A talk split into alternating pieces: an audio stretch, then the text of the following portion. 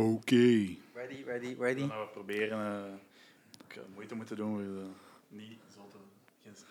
Geen nee, je kunt... Je kunt ja.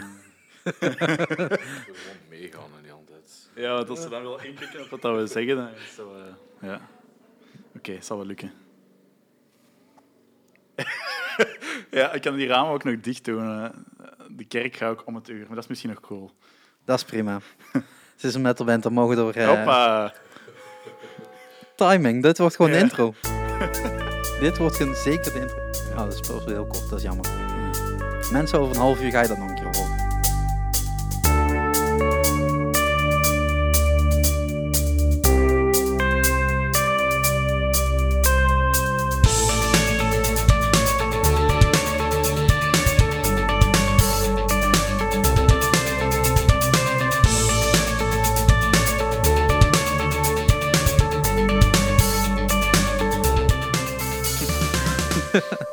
Want we zitten, uh, ja, ik weet niet eens waar we zitten. Mor Mortsel? Mortsel. Mortsel, yes. Ja, had het wel een beetje goed. Frans voor doodzout.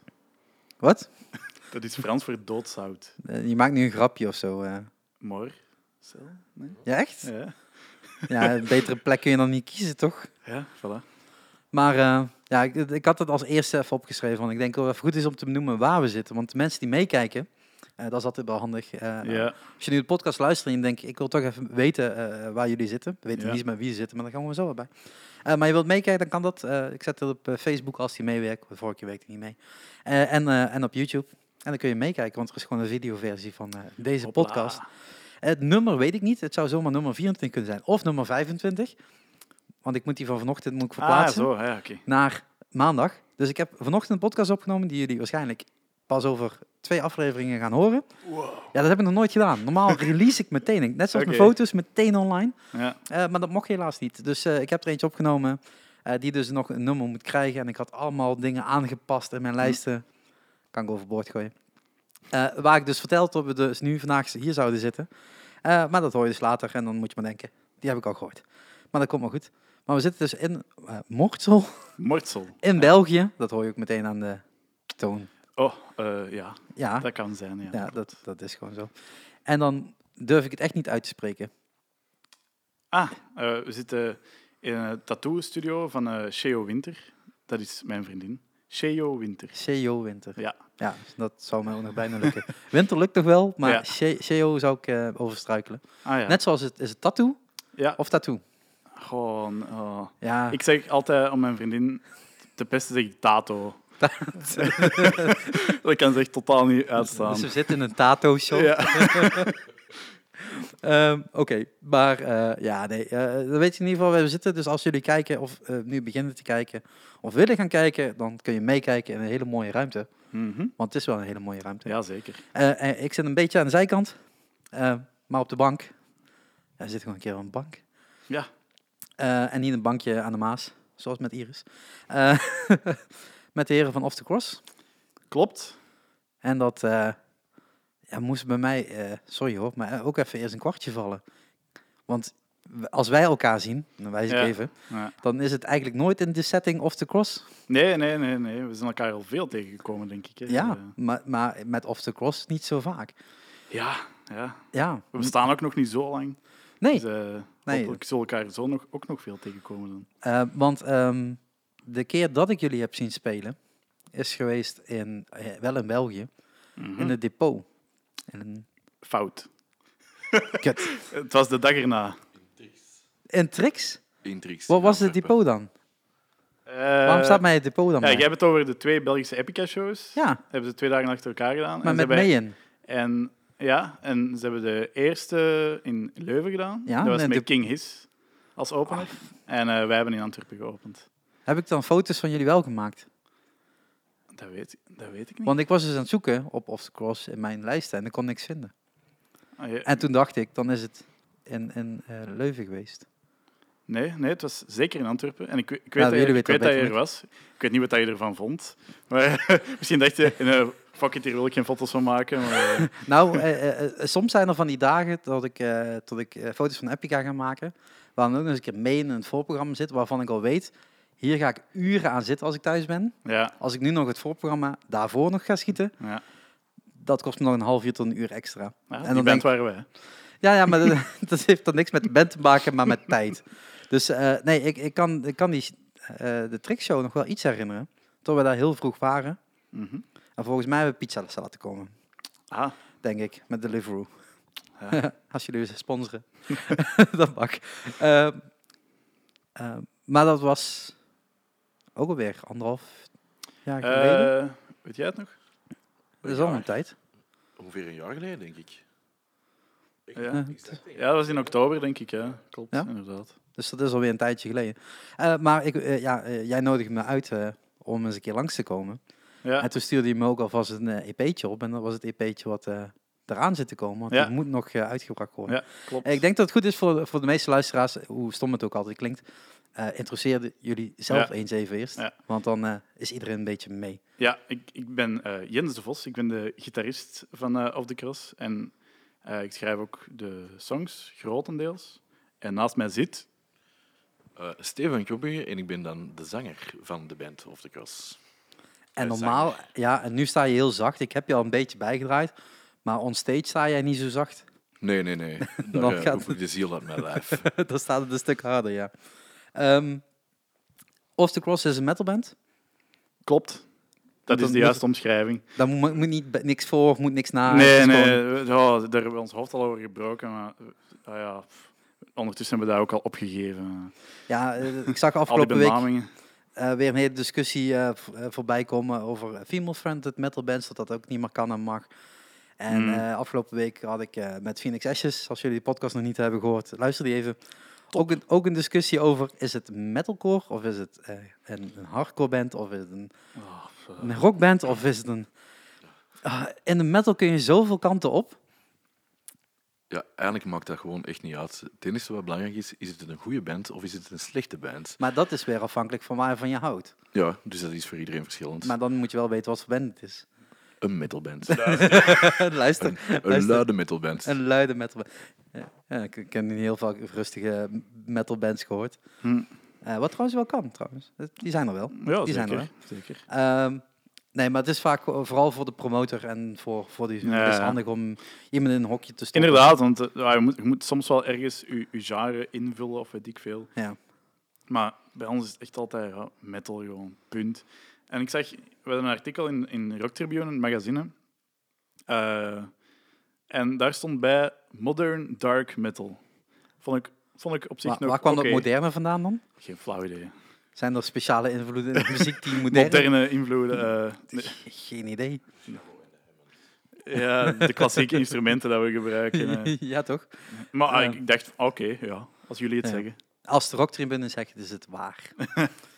ik heb ze nog niet heel veel slechts horen eh, zien schrijven. Nee, is Wat cool, on- nog was. bestaat in ieder geval, zo'n magazines. Ja, eh, ik zie er hier een paar liggen. Ja, inderdaad. Eh, ja, ik, volgens mij heb ik er ooit een keer een ab- abonnement op gehad. Maar dat, dat is Hm. ook wel jaren geleden. Ja, Maar dat is meer de tijd van voor Facebook, waar je je informatie vandaan haalde. ja, En tegenwoordig is dat toch... hebben die magazines het zwaar. ja inderdaad. Ja, ik probeer, ze- probeer het af en toe te kopen, maar ik, ook zeker niet elke maand of zo. Nou ja, maar het, het, zo- ik kan net niet zien. Het kost ook wel wat. Eh, ja, die hebben we nu opgestuurd gekregen. omdat- dat, die, Is dat die van komende maand? eh, dat is de- de huidige, dus ja. Ja, ja, je mag er wel promo van maken hoor, als jullie erin staan. Ja, ja, er staat een heel eh, fijn artikel in over eh, onze DP en tourverhalen van eh, deze zomer.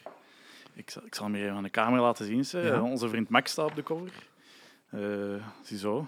En op pagina... Nee, ik weet het niet. Geen flauw idee. Maar niet uit, je hoeft maar één pagina gewoon te kopen en de rest kun je laten liggen. Gewoon in de winkel even lezen en terugleggen. Nee, eh, doen. nee maar eh, inderdaad, eh, ehm, eh, jullie zijn een, een nieuw bandje in dat geval. Terwijl jullie al één, moet ik niet verkeerd zeggen, album Ja. hebben. Full album. En dan komt er nu een EP bij. Ja, dat klopt. Ehm, met het album hebben jullie wel aardig gespeeld. Op leuke plekken gestaan. Ehm, hoe zijn jullie begonnen met de band? Hoe is dat ontstaan? Ehm, we hebben ervoor in, in andere bands gespeeld. En we hadden gewoon nu, eh, eigenlijk met het maken van, van de nieuwe nummers, hadden wij zoiets van... eh, dat, dat was iets totaal anders dan wat we ervoor deden. En eh, dat voelde niet meer goed aan. Dus gewoon echt, echt eigenlijk ineens te goede begonnen. Ehm, ook echt lang gewerkt, heel lang in de, in de studio gezeten. En toen dat de album eigenlijk eh, een goede vorm kreeg, dan eh, zijn we dat beginnen promoten. En dan denk ik nog altijd eh, dat voor, voor ons de beste start ooit was. Ons eerste optreden was op, eh op Groesrock in, Dat is in meteen juist publiek voor je neus Ja. staan. Ja, en ineens een heel groot publiek, wat dat dan toch ook wel behoorlijk wat stress gaf. Nog extra stress voor een eerste optreden. Maar dan, eh, ja, dan zijn ze echt gelanceerd. En dan merkten we ook daarna heel erg in, eh, in de hoeveelheid optredens die, dat er, eh, die er in het begin bij kwamen. En uiteraard ook dat, eh, dat die plaat goed werd onthaald. Want dat is Dat even helpt, dat belangrijk. helpt zeker. Ja. Ehm, eh, maar je zegt al Groesrock. Hoe raak je dan binnen als nieuwe band? Want vaak zijn het, als je naar dat soort festivals kijkt, toch de wat gevestigde namen die er spelen. Die sturen ook nog eens een keer een paar bandjes mee. Want ja, op boekingskantoor moet natuurlijk ook bandjes verkopen. Ja. Want zo werkt het. En dan hoor ik toch nog een telefoon. Is dat toch mijn telefoon weer? Kan Ik toch vrees niet? ervoor. Nee, kan toch niet? Dan word ik helemaal gek. Hoeveel telefoons hebben we hier liggen? Dat die van mij staat. Dan gaan we, die is daar neerleggen. Dus ik- dan- Anders word ik echt helemaal gek, want ik had alles uit afgesloten, dacht ik. Nee, ik denk dat het, het, eh, om op die vraag te beantwoorden, wat dat voor ons ook, ook eh, heel veel in het begin heeft betekend, eh, is de videoclip die dat wij bij het eerste nummer eh, hebben gemaakt. En het is die videoclip die eigenlijk is doorgestuurd naar een aantal mensen die wij ook gewoon eh, kennen in het wereldje. Dat is Van de heel vorige goed, bands ook. En ja, heel goed onthaald. En met Groesrock was het echt eh, de videoclip doorsturen. En denk ik drie dagen daarna had ik antwoord van, eh, kunnen jullie op die dag spelen? En dan hadden we zoiets van, wow, eventueel Twijfel, willen we dat wel vrijmaken. Even kijken wat voor gage er tegenover staat. ja, Hoe laat en zo. dus zwaar onderhandeld. Nee, dat is, dat is gewoon echt, ja, dat is echt het perfecte begin. Ja, dat kan ik me voorstellen. Ik bedoel, eh, Groesrock, eh, voor de mensen die het niet kennen. Er zijn eigenlijk twee belangrijke festivals als je het hebt over eh, deze scene. Twee grote festivals. Dat is in Nederland Jera en Eer. En in België staat Groesrock. Ja. En dan heb je eigenlijk wel de twee grotere gehad binnen dit genre. Waar je toch echt wilt spelen. Natuurlijk zijn er nog honderd andere festivals waar je wilt spelen. Maar eh, ja, zo'n kick-off is, is een droom, droomstart inderdaad. Ja, Ehm, dat, dat album, eh, is dat onder eigen beheer uitgebracht? Of Ja. is daar beheer. dus er is nog heel veel extra werk bijgekomen dan? Eh, eh, dat eerste album, eh, we hebben wel een soort distributiedeal gehad met Suburban Records. Eh, en we hebben, onze manager heeft, heeft daar heel veel bij geholpen. Bij vooral de administratie van het uitbrengen van een album. Want uit, dus daar wisten we zelf eigenlijk toch niet zo heel veel van. Ik denk als het van ons had afgehangen, dat we gewoon ja, ergens wat cd's hadden laten persen en op shows verkocht of zo. Wat Maar- ook voor heel veel bandjes werkt. hoor. Ja, ja zeker. maar, Maar maar dan krijg je net niet de, Ja. de grote pro- promotie mee. Voilà, ja, inderdaad de juiste promo meekrijgen en zorgen dat mensen ook effectief uw, uw, uw album kunnen kopen, buiten de mensen die niet meteen naar een show komen. Eh, dus, Ja, maar ik denk dat even voor, voor duiding voor mij en, en voor jullie is een distributiedeal heel duidelijk wat dat is. ja, Eh, binnen een platenlabel zijn er verschillende mogelijkheden. Ik heb het allemaal geleerd bij Wim Koning. Oh. Eh, daar ben ik ook goed testen, hoef je niet nog een keer te testen. Ehm, eh, je kunt naar een artiestendeal sluiten, wat betekent dat gewoon het label volledig op je gaat werken. eh, wat gaat helpen met alles wat, wat het doet. Maar dat betekent ook dat ze invloed hebben op de nummers die je gaat uitbrengen. Op het artwork, hoe het eruit komt te zien. eh, tot aan waar je gaat spelen. Een 360 deal noemen ze dat steeds vaker te- mhm. bij labels wat je dan tekent. Betekent ook dat de artiest heel weinig verdient, want al het geld wordt geïnvesteerd door een plaatlabel. ja. En daaronder zijn eigenlijk verschillende mogelijkheden. En één daarvan is een distributiedeal. Dat betekent dat, het, dat de band niet getekend is op een label als een zijnde. Hè, eh, wij gaan alles voor je doen. ja. Maar de artiest vraagt, hey, wil je me ondersteunen? Wil je me helpen met het zorgen tot die plaat in de schappen komt? Ja. Want je kunt niet bij de Mediamarkt en bij eh, de Plato's en eh, Nee, ik weet niet wat in. België is allemaal. Ja. eh, zorgen tot er opeens een cd te kopen is. Ja. Daar, daar zijn nog een aantal stappen voor. En ja, de platenmaatschappijen hebben daar gewoon de connecties. Voilà, die hebben het tot- netwerk. Ja. Die hebben netwerk, dus die, ehm, die helpen je dan mee. Daar betaal je een bepaalde fee voor. Of een eh, opbrengst van de cd of ja, een een vaste commissie. fee. Ja. Ligt er een beetje aan wat voor, wat voor deal het is. En daardoor, daardoor kun je eigenlijk gewoon de cd kopen bij de Large en bij de. bol.coms en dergelijke. Klopt, inderdaad. En, en eh, dan kun je daar wel nog het stickertje Suburban op plakken waarschijnlijk. Ja. En dat is natuurlijk heel fijn, want het is toch een, eh, een bepaald merk waar je aan verbonden wilt zijn als band zijnde. Ja, ja. Ja, het, het helpt. Het- Als mensen ja, het, het, zien. Perceptie, perceptie. Ja. Eh, ja, de, de verkopen gingen neem ik aan eh, sky high. Ja, zeker. We hebben allemaal een nieuw zwembad gezet. oh, Henny. Eén persoon wel, die heeft er flink van genoten. Dat- Dat zijn weer andere rechten, daar gaan we niet over in, eh, induiken. Ehm, eh, maar daardoor eh, kon de plaat eigenlijk overal liggen en daardoor Ja, kon, je, hem, kon je wat meer shows spelen. ja. Wat volgde er daarna? Want ik heb jullie dan gezien Ja, in het voorprogramma van Epica. ja, ik denk dat we toen, dat de plaat toen een half jaar uit was of zo, het debuutalbum. Eh, dus ja, eerste show op Cruiser ook. Dan die zomer daarna, hebben we eigenlijk- dat, dat was voor ons een heel try-out periode. Dat was voordat de eerste plaat ook uitkwam. Dus we hebben dat, bijvoorbeeld, hebben we gedaan met één nummer dat uit was. Ja, dus met, die met één videoclip song, ook, één ja. videoclip. En zo hebben we nog een half jaar doorgespeeld of zo, met één song dat uit was. En de rest gewoon, ja, live. Mensen, we eh, zitten bij een kerk. eh, just so you know. Super metal. Ja. Eh, en die zomer hebben we op Antwerp Metal Fest gespeeld. Eh, Ook geen verkeerd festival eh, in Nee. België. Maar het helpt als je daar iemand kent. Toevallig. Eh, en nog een paar leuke festivals hier in de buurt. En ja, dan eh, is de plaat uitgekomen na, na een, jaar, een jaar te bestaan of zo. En hebben we ja, daarna ook best nog wel wat fijne dingen kunnen doen. We hebben onze eerste shows in Nederland gedaan. We hebben met Epica op, in 013 gespeeld, met Epic Metal Fest. Daar stonden jullie in de, in de kleine zaal. Ja, dat was super cool. Ja, dat, dat stond helemaal vol, heb ik gehoord. Ja, dat was echt. We, we, we waren opener, dus we dachten van ja, als er straks 50 man staat, super. Maar ja, de deuren gingen open en ineens liep die zaal gewoon vol. Ja. Dus dat was echt waanzin. Ja, het was ik- onze eerste show in Nederland. En, Ja, ik heb het nog steeds eigenlijk niet, niet, niet zozeer begrepen, niet voor, voor jullie, maar dat Epic, eh, Epic Metal Fest, eh, dat verhuisde van de klokgebouw naar de 013 toe. ja, En eh, Epica kan op zich eh, gewoon 3000 eh, mensen gewoon uitverkopen. Ja. Wel wat moeite in steken, maar het lukt. En ehm, daar werd eigenlijk een, een, een dag omheen gebakken. ja, Eh, met ook de kleine zaal erbij. Waardoor je gewoon, als je fan bent van Epica, op de eerste rij blijft staan. En dus gewoon de helft van de bands mist. Ah, Wat heel erg jammer is. Want die had ik ook gewoon willen zien. Denk, ja, Ja. zet dat gewoon op de mainstage. En beginnen we gewoon om 7 uur ochtends. Maakt mij dat uit. ja, ik, waren toch al heel blij met die zaal. Want dat is ook best een, een heel coole zaal. Die zogezegd kleine zaal van eh 013. Ja, maar de kleine zaal van de 013 is gewoon, eh, wat past Ja. erin, 700, 900 man of zo. Ja, zo Dus is dat, eh, 700. ja, dat, dat is geen kleine zaal meer te noemen. Nee, En, eh, zo, en ze stond vol en dat was ons, Ja. ons debuut in Nederland. Dus dat Ja. super Maar ik denk ook wat ook, en en dat merkte ik op die dag. eh, Ik bedoel, ja, wat ik al zeg, ik sta vooraan en ik ga niet verplaatsen, want dan ben je op een gegeven moment je plek kwijt. Wat gewoon heel Maar je hebt vervelend Epica toch al eens gezien? Zou je denken, hè? Zou je denken. Eh, misschien dat we daar daar nog even op terugkomen. Eh, maar heel veel mensen achter mij, die, die maakt dat niet uit. Je Weet je, als je vanaf eh, rij 5, 6 staat, die, die blijven lopen. En dan is het natuurlijk ideaal dat je een extra zaaltje erbij hebt om ook de traffic wat van links naar rechts te verplaatsen op een gegeven moment. En ehm, ja, de, de, de hele dag heeft die zaal volgestaan, heb ik gehoord. Ja, En dat is, dat is alleen maar positief, want mensen zoals jullie, eh, die op zichzelf hè, een eerste Nederlandse show geen 700 tickets gaan verkopen. Nee. Zo werkt het gewoon niet. Nee, net niet. Dus, eh, en dan opeens aan 700 metal fans, want hè, we zijn allemaal metal fans dan. Ehm, ja, dat is een mooi nieuw publiek wat je dan Absoluut. opeens erbij ja, hebt.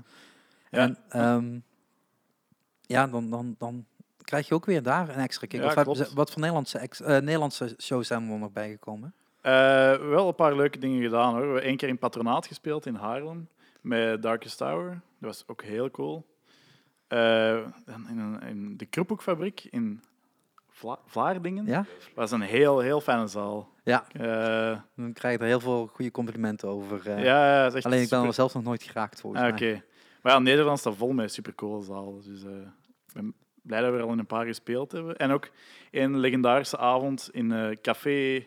Hoe noemde het nu weer? Café De Witte Wolf in, in Groningen.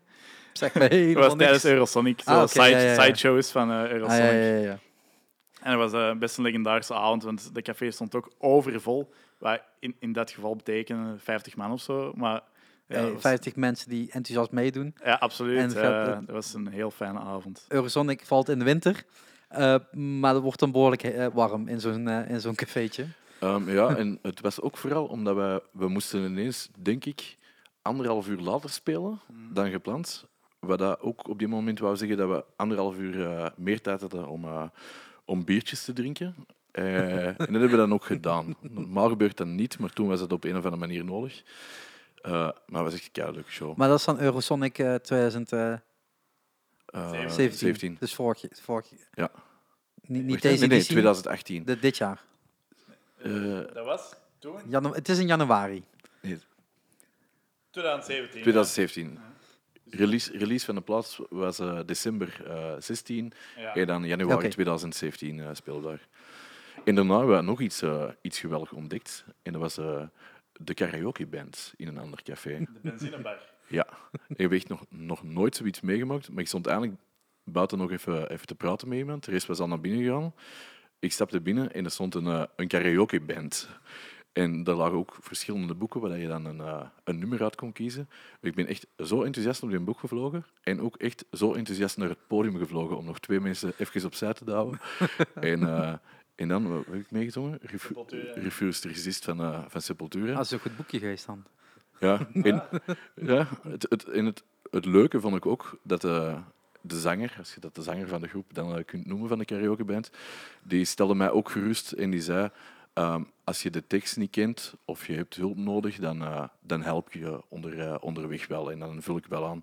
En uiteindelijk het enige wat hij heel dat nummer heeft gedaan, is gewoon zo naar mij staan gapen met een open mond en hij wist echt niet wat er gebeurde. Ik denk ook dat je geen, dat je geen één keer naar de tekst hebt moeten kijken. Dus. En ik denk dat ik die plaat al duizend keer heb gehoord, dus het was, niet- het was niet nodig. Ik, eh, ik ga volgend jaar eh, voor het eerst naar eh, Eurosonic, dus ik, eh, ik zal het allemaal meemaken. Ik vond het echt, dat was leuk. Hij is superleuk gegeven. Ja, het is, het, is een, eh, het, is een showcase festival, dus het is ook belangrijk dat je daar een goede show neerzet voor die 50 mensen. Want je weet gewoon, er staan een aantal boekers tussen of er staan een aantal promotoren tussen die, eh, die je verder kunnen helpen in Nederland. Eh, of zelfs verder buiten, want het is een, een Europees, Ja. Eu- Europees netwerkfestival. Ehm Maar eigenlijk, of dat die mensen er nu staan of niet, en of het een show is voor 50 man of meer, dat moet gewoon de deal zijn. Altijd als je speelt, moet dat gewoon een, uh, een keigoeie optreden zijn.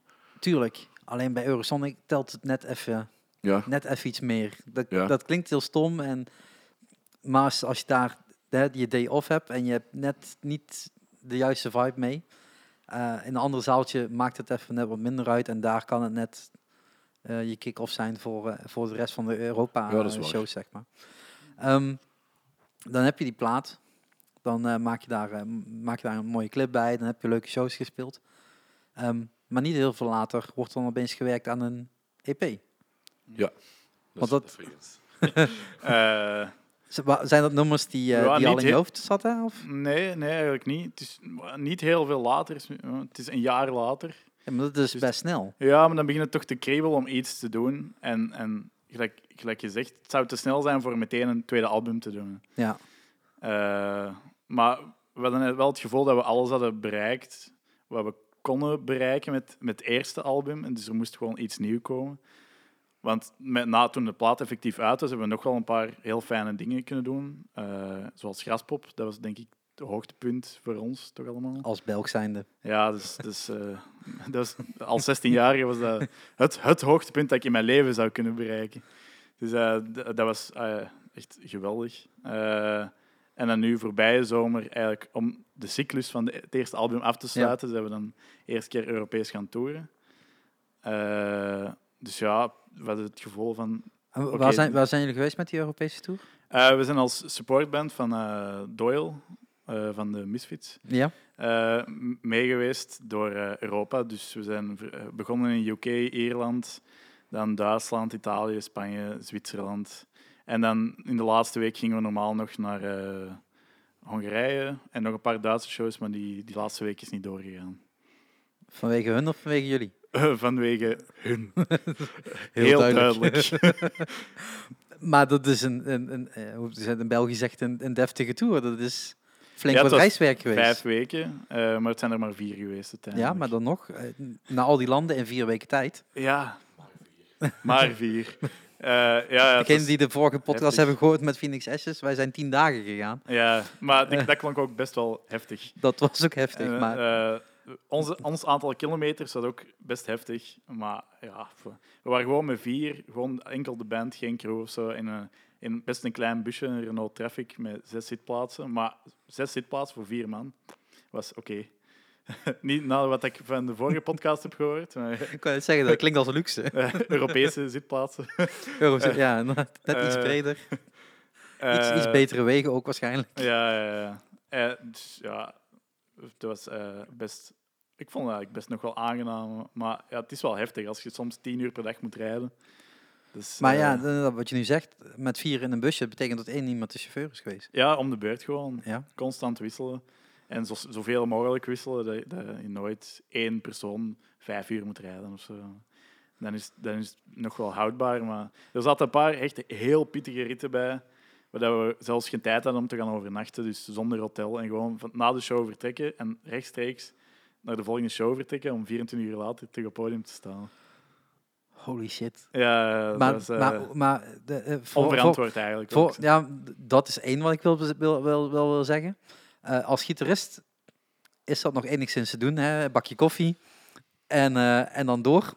Misschien nog een paar eh blikken monster. Ja, Eh, ja, ik, ik zit niet meer in de monster sinds een aantal jaar. Af en toe heb ik er heel erg spijt van.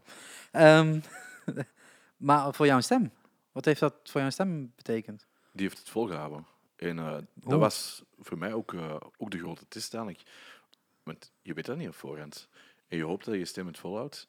Eh, en ja, desondanks dat er, dat er toch altijd te weinig geslapen wordt, of dat je toch anders slaapt dan thuis, is, dat, is dat gelukt. En ik vond het, het meest waanzinnige eigenlijk, in, in Italië heb ik een keelontsteking gekregen. En ook dan eh, lukte het nog om een normaal geluid eruit te krijgen. Was ik wel echt heel blij dat er na twee days zelf waren, dat eh, mijn stem terug kon herstellen. Maar dat, dat, is, dat is waanzin. Kijk, voor, voor het slapen en het, en, het, en het autorijden is dat niet heel erg healthy. Maar voor, voor je stem ehm, om door te pakken ook niet. Want je zegt al je, aan het eind van de rit, of in ieder geval, ik weet niet als het eind van de rit was, maar je wordt ziek. Eh, en dan ga je alsnog door, want ja, ja je bent gaat Ja. door. Zo werkt het.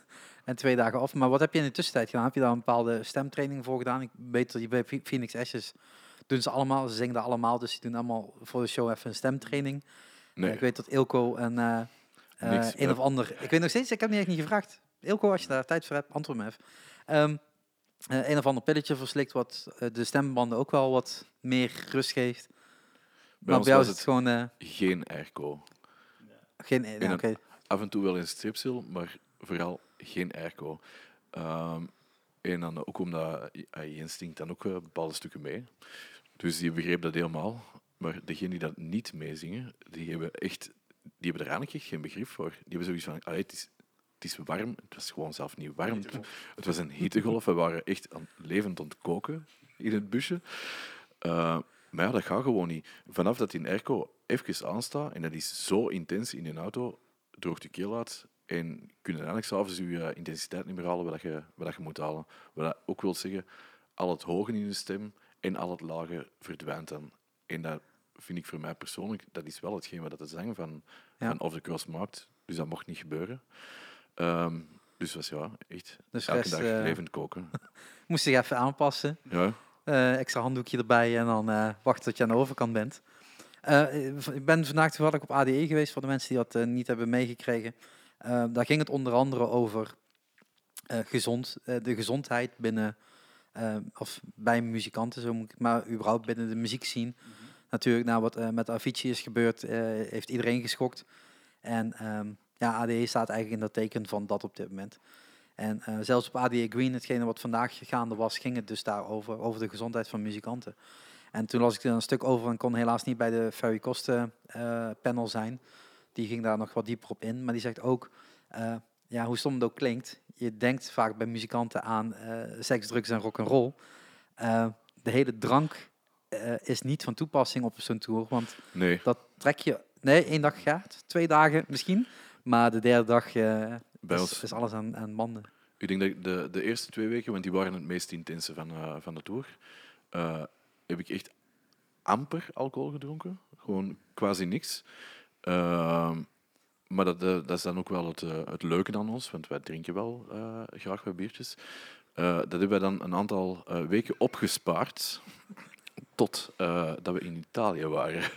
en daar is het toch wel echt, echt degelijk misgegaan. Dus als je dan het iedere dag het rock and roll gedeelte blijft uitstellen, uiteindelijk komt dat dan eh, ineens allemaal te samen. Eh, en dan eh, hebben ze mij naar mijn kamer moeten dragen. Dat kan nog, dat kan nog. Ja, nee, meer je, moet, je zelf weten hoe ver je wilt gaan met verhalen op, maar eh mij maakt niet uit. Nee, maar dat is, dat is, dat, is- maar dat is ook voor uw stem. Is dat echt eh, een boosdoener? En ook niet alleen voor uw stem, eh, ook als band. Want als je de hele tijd allemaal met een kouter rondloopt, ja, wie gaat rijden? Eh, dat is super onvoorzichtig. Eh, Mhm. Je zit ook niet meer aan het nadenken hoe, hoe dat je je planning gaat volgen. Dat gaat niet, zeker niet als je alles zelf in handen hebt. Je moet echt wel zien dat het rock'n'roll op dit moment iets of wat beperkt is. En als je daarna thuis komt, kun je de schade terug gaan inhalen. Dus daarvoor zijn één de day-offs en twee hè, de tijd thuis weer.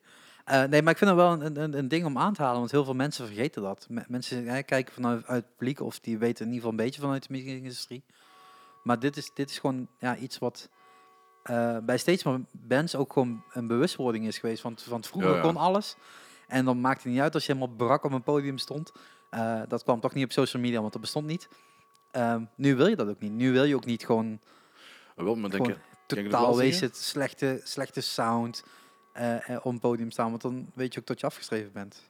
Eh, ja, maar toch de zanger van Doyle, die deed echt wel het eh, tegenovergestelde van mij. Maar die loopt al iets langer mee, toch? Of niet? Eh, ja, ook. Ja. En die zijn stem... andere- die- Andere periode. ja, ja, en die zijn stem is ook... hey, om, om eerlijk te zijn, dat is super monotoon. Die doet helemaal niks speciaal. Die blijft de hele tijd op dezelfde manier doorzingen. Maar die kon wel eh, s smiddags opstaan en eh, aan zijn fles eh, Jack Daniels beginnen. Ja, die op de rider heeft gestaan van de dag ervoor. Ik denk dat er meerdere op stonden, want er gingen er echt meerdere door. En die deed ook iets, eh, iets wat de meeste mensen omgekeerd doen. De meeste mensen hebben een, een, eh, een fles cola en dan hebben die daarbij wat whisky. Maar die had een fles whisky en daar zo'n klein colaatje bij. Dat heb ik ook nog nooit ervoor gezien. Maar die zoop echt de hele dag door. Maar heeft ook een, een, een rauwe stem en hetzelfde geluid. Dus op zich kon dat, maar dat is echt niet de manier waarop ik op tour wil gaan. Ook, je zit met vier in een klein busje. eh, als je niet slaapt, je hebt te veel gezopen, ja, dan, dan, dan denk ik dat wij wel elke dag eh, ruzie met elkaar zouden maken. Terwijl het, eh, terwijl het nu echt heel goed meeviel. Ja, ik, ik, vind, ja, ik vind dat soort tourverhalen altijd sowieso tof. Ook om de bewustwording naar buiten te creëren eigenlijk. Eh, want ja, dit is zo belangrijk, gewoon als een band zo professioneel bezig zijn. Hè, wat jullie al zeggen, we zijn maar met z'n vieren daar. Er is ook niemand anders die ons op dat moment gaat helpen. Nee. Dus je moet inderdaad samen bewust bezig zijn met hè, wat, wat zijn jullie doelstellingen op dat moment. Wat willen jullie doen? Dat zijn goede optredens neerzetten. De band goed in een goed daglicht Ja. zetten. En daar past hè, een bepaald gedrag gewoon niet bij. Of Nee. niet op bepaalde plekken bij. Nee, en je, en je, kent, je kent die zalen ook op voorhand niet. Je hebt wel Nee. wat gaan, gaan opzoeken, maar je kent de zaal niet. Je moet eigenlijk op, op ieder moment, moment echt heldere beslissingen kunnen nemen. Ja, en dat kun je niet als je eh, aan het zuipen bent of de dag ervoor hebt gezopen.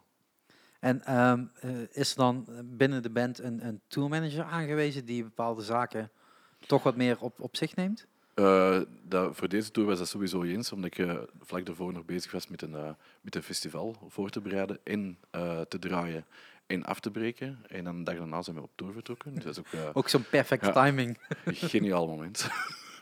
Eh, dus Jens heeft er echt, ja, je hebt er echt heel veel werk in gestoken. En ook daar ben ik nog altijd van overtuigd, dat is wel eh, uw succes geweest binnen de tour. Want anders moeten, eh, gelijk een band zoals Doyle, eh, ineens afhaken omdat je, het, omdat je het niet hebt voorbereid, omdat je het niet onder controle hebt. Om, en dat is daar echt het beste, omdat er een gitaartech ineens was gebombardeerd tot, eh, tot manager, tourmanager, die dat geen probleemoplossend vermogen had, die dat geen confrontaties aankon en die dat eigenlijk gewoon vanaf dat er iets ge- gebeurde, zichzelf ging verstoppen. Dat is hetgeen wat we heel vaak zagen. Dus dan is het de hele tijd iemand in de venue die aan het zoeken is naar de tourmanager en geen antwoorden kan krijgen en dan maar Ja. eigen beslissingen gaat nemen. En dat zijn meestal niet Ja. de beste beslissingen voor de band. Nee, en, en zelf zo erg dat na een paar dagen eh, de band naar, eh, naar ons kwam om eh, de info voor de volgende dag te verkrijgen. Oei, dat is wel heel pijnlijk. ja, ja. Maar dat is natuurlijk ook weer, misschien tot het vaak wordt onderschat en dan kijk ik niemand aan. Ehm eh, tot dat toch wel een behoorlijk zware job is, tourmanager zijn. absoluut. En, ja. en tot je als band het liefst dat wel in iemand bij je eh, heeft, hebt. Ja. Eh, Phoenix Ashes zegt dat ook gewoon. Hè. Die zeggen ook van, hè, we hebben je gewoon graag mee. En dan ga je ook een aantal zaken regelen, want dan komt dat in ieder geval niet bij ons terecht. En kunnen wij ons gewoon focussen op, op, op het spelen. Ja, Bij jou komt dat bij jou erbij. Maar zo'n band die de hele tour regelt, komt daar nog extra iets bij kijken. Ja, en we, we hebben dan nog geluk dat we, het, eh, dat we het kunnen delen. Dat we allebei uit die sector komen. Ja. Dat, we, dat we dat begrijpen. En eh, ik ga een aantal keer terug naar Doyle verwijzen. Want ik Nee, dat is goed, dat is- fantastisch. Ja, hij luistert toch niet naar uw podcast. Hè? Ik eh, ga hem sturen, ik tag hem erin en dan komt het allemaal goed. Nee, dat is, Ik zal ondertitels maken. dat is en blijft eh, de verantwoordelijkheid van, eh, van het band en, eh, en van, van, van uw manager als, als je zelf doet. Je bent verantwoordelijk voor elke beslissing dat je neemt, gaande van eh, de bus naar waar dat je overnacht, naar hoe dat je met, met een venue afspreekt, alles erop en eraan. Eh, en je zag echt binnen, binnen de band zelf, van Doyle, die hadden gewoon geen clue. Eigenlijk wisten die niet meer waar dat ze bezig waren. En als er iets misging, dan waren het... Ja, het was altijd iemand anders zijn schuld. Als, als alles, alles, alles op rolletjes was gelopen, was er niks aan de hand geweest. Maar zo werkt een tour niet. Nee, nee, nooit. Dat kan ook niet. Ehm, Jens, als je, als je die tour aan het voorbereiden bent, want ik heb het eigenlijk nooit echt bewust verder meegemaakt, denk ik. Ehm, als voorprogramma zijnde. Eh, ik weet in ieder geval, als, als, als hoofdact krijg je heel veel te dealen met, met de venue. Dan moet je heel Ja. veel op voorhand regelen. eh, met, met bepaalde afspraken te maken over eh, lichtgeluid en, en, Ja. en alle materie eromheen. Ja. eh, tot aan het eten. Als support act, wordt dat, is dan gewoon contact met de band? En zij hebben contact met de venue? Of moet jij dan ook Dus nee, normaal is dat inderdaad het ge- geval. Ah, ja, hangt, er een beetje vanaf wie dat de tour boekt of zo. Toch zover ik weet. Maar ofwel is het via de, de headliner eh, die, die alles met, met u regelt, ofwel is het via de, ja, degene die de tour boekt. Maar in dit geval was het bij ons van... Oké, we, we het aanbod gekregen om de tour te doen. We, we hebben er ja op gezegd en dan kwam er niets. dus het, kwam- ah, het werd online gecommuniceerd. Eh, Doyle po- postte posters met onze band bij en, al, de lijst met shows. Dus tot Eh, zover ging maar- het goed. Tot zover ging het goed, maar dan onze manager heeft er serieus veel werk in gestoken. Dus eh, dank u, Jeff. Eh, en eh, hij heeft dan uiteindelijk een lijst gekregen met alle promoters van elke show en, en een e-mailadres. Hij is gewoon de advancing aan het doen met, voor elke show met elke promotor. Maar dat hoort toch niet? Nee, tuurlijk niet. Tenminste, in mijn hoofd hoort dat niet. Nee, Mijn, tuurlijk niet. ik maar- zou zeggen inderdaad van, hè, als band zijn, zeker als je geen, geen eh eh, tech-mensen mee hebt, dan Het is contract zei ook iets anders. Oké, Maar ja. Ja, maar ja, we zijn redelijk zelfstandig. En, eh, we- we- wij, ja, dus we hebben het gewoon zelf volledig gedaan. Zelf call sheets gemaakt. Ik heb dan alle, eh, de, de routing helemaal voorbereid. Planningen gemaakt. Ik ben een redelijke controlfreak in. Dus ik heb echt zo, ah, alle adressen. Alle, oké, die dag moeten we zoveel kilometer rijden. Dat gaat ongeveer zoveel uur duren, die rit. Eh, we tellen er twee uur bij voor eh, pauzes Zekerheid, en ja. eventuele filler. Dus zo was het elke dag voor eh 33 dagen was, was zo voorbereid. En bij ons is eigenlijk alles super vlot gegaan. We hebben echt nul problemen gehad. Maar jullie hebben Maar ook gewoon... als je dan ja, die problemen van, van... Ja, we zijn ook maar supportband natuurlijk. Dus als de headliner niet komt opdagen, dan is er gewoon geen show. Dus dan staan we daar. en de, bego- eh, ik denk de... Wat zal het geweest? De achtste show of zo. En we moesten in Cardiff spelen. En we kwamen van Dublin. eh, Dus daar zit een ferry tussen. Of de vijfde show, ja.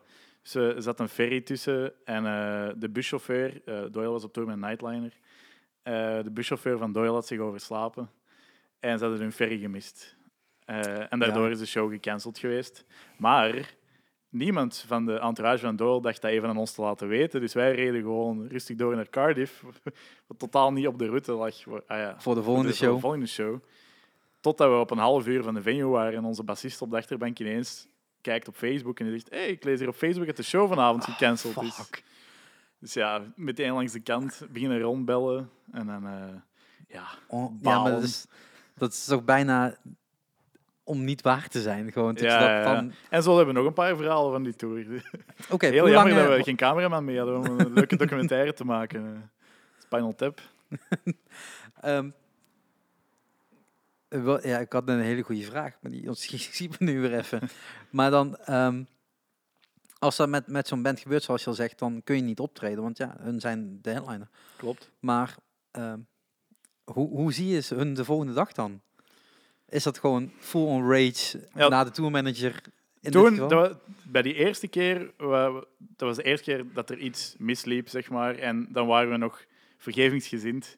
En dan, en dan is het wel zo even gaan zeggen van, hey, kerels, niet oké dat je niks laat weten. Wij zijn wel aan het rijden. Wij ah ja, we hebben ook betere dingen te doen. Eh, maar als het dan nog twee keer gebeurt, twee weken later of een week later, dan, eh, dan begin je wel heel lastig te worden. Ja, maar dan wordt het ook... Dan moet je het zelf gezellig blijven houden. Ja, En dan maar- komt het zeker niet meer vanuit hun. En dan ben Nee, je iedere nee. dag in twijfelen als zij wel... Klopt, inderdaad. ja. En zo, zo was er nog een show in, eh, in Barcelona, in de Razmatas, wat dat best een coole zaal is. En die was uitverkocht en dat ging eigenlijk de coolste show van de tour worden. En eh, we zaten in een appartementje dat we gehuurd hadden, net buiten Barcelona. En ja, net toen we gingen vertrekken naar de venue, kregen we een bericht. We kregen wel een bericht. Kregen we een bericht dat eh, de nightliner kapot was en dat ze nog in het zuiden van Frankrijk stonden en de show gecanceld was. En En nerg- nergens op de tour gedacht, weet je wat, we bellen die venue op en we zeggen wij komen wel. Ja, De mensen die er nu zijn, hè, want dat komt redelijk laat zo'n bericht, ja. eh, laat ze maar binnen en we spelen gratis. Ja, we hebben wel zo'n dingen besproken, maar ja, zoals ik zei, mensen kopen een ticketje voor Doyle te zien en willen, als het gecanceld wordt, willen ze gewoon hun geld terug. En Nee, dat snap ik wel, maar daarom zeg ik van gratis spelen, want dan krijgen ze in ieder geval nog wel Ja, een show voor de mensen die er eh, al toevallig zijn of in de buurt zijn. ja. Kunnen alsnog iets doen. De venue had toch al alles ingeboekt en Ja. er staat toch ook al alles voor. En jullie hebben een extra show erbij. ja. Ja in. Barcelona had dat misschien gelukt, maar die promotor was, was toen ook zo... ja, die, Ah, die zullen ook al Die op het dak niet hebben. blij. Ja. Ja. Eh, En de dag daarna was eigenlijk het hoogtepunt van de, van de tour. Dat was een show in, in Madrid. Eh, dus ik was al aan het, ik was aan het sturen met de eh, zogezegde tourmanager van Doyle. Van, is, de bus, is de bus in orde? Eh, gaat de show in Madrid wel zeker door? Want dat is nog eens zes uur rijden van Barcelona. Eh, dus we gaan dat niet doen, want we moesten de, de volgende show in Zwitserland zijn. Ja, dan- dus dan wil je niet nog bullshit, eerst ja. even 12 uur extra rijden. En dus ik zei, gaat de show zeker door? En zei, ja, ja, de bus is in orde. Eh, we gaan richting Madrid vertrekken. Dus wij, oké, vertrokken naar Madrid. Op de snelweg in het midden van Spanje. Ineens, eh, ik lag te slapen achteraan en onze drummer was aan het rijden. En hij roept ineens, oh, oh, kijk, kijk. En we zien daar langs de kant van de autostrade, de, eh, eh, op de pekstrook, de bus van Doyle staan. Met de bandleden op de vangrail, allemaal teleurgesteld aan het zitten. Ze waren wel vertrokken. Ja, ze waren inderdaad vertrokken. dus wij, eerste tankstation eraf. Ik weer aan het sturen met die tourmanager. Van, wat is er aan de hand? Ja, de bus oververhit. Binnen 10 minuutjes rijden we weer verder. Dus we dachten, oké, we wachten gewoon Tot, we ze, komen. tot we ze zien voorbijrijden. En als het moet, blijven we gewoon achter hun aanrijden. Om zeker te zijn dat ze, dat ze boven op het dak binden en, eh, Ja. en meenemen. En inderdaad, ja, een kwartiertje later zien we de bus voorbij rijden. Eh, en vertrekken wij ook terug. Eh, we halen die meteen in. En ja, tien kilometer verder stonden ze weer op de pechstrook. Oh, ongelooflijk. volgende tankstation er weer af, hetzelfde verhaal. We gaan blijven wachten tot we die bus zien. Hebben daar twee uur gewacht of zo. Geen bus. En hebben we besloten, oké, we gaan dat risico hier niet nemen. We gaan gewoon naar Zwitserland beginnen rijden. En ze zijn effectief nooit in Madrid geraakt. Is, ja, dit, dit, dit hou je gewoon niet voor mogelijk. Ja, maar aan de andere kant, kijk, waanzin. kijk, een bus kan altijd stuk gaan. En zeker in warme landen, hoe stom het ook klinkt, eh, zijn dit Ja. soort risico's gewoon groter. Ja. Eh, die bussen die rijden behoorlijke afstanden. Eh, ze dragen redelijk wat gewicht mee. Mm. Ehm, Zeker met Doyle. Dus dan, dan is het gewoon, ja, happens, weet je. Ja. En dat is, dat is voor jullie een leerervaring waarvan jullie denken, als volgende keer Doyle eh, belt, dan eh, zit er nog wat meer eisen in het contract. Ik denk dat het een leerervaring was voor Doyle. als, hij, als hij echt naar ons... Maar dat is gewoon... Dat is echt de complete waanzin van die Ja. tour. Wij waren daar voor Doyle op quasi elke venue. Wij hadden alles klaarstaan. Wij wisten wat dat er moest gebeuren. Wij konden met een paar woorden tegen de, tegen de promotor zeggen of tegen de technieker zeggen wat we wouden. En dan was alles in orde. En ook, ik heb zelf geen idee wat die soms in die venues allemaal aan het doen waren. Zeg maar materiaal aansleuren. En die, ja, die liepen eigenlijk echt allemaal wat door elkaar zonder, eh, zonder actie te ondernemen. Ja, het is, het is jammer dat er dit soort bands... hè, Het is gewoon echt jammer dat we Ja. geen camera bij hadden.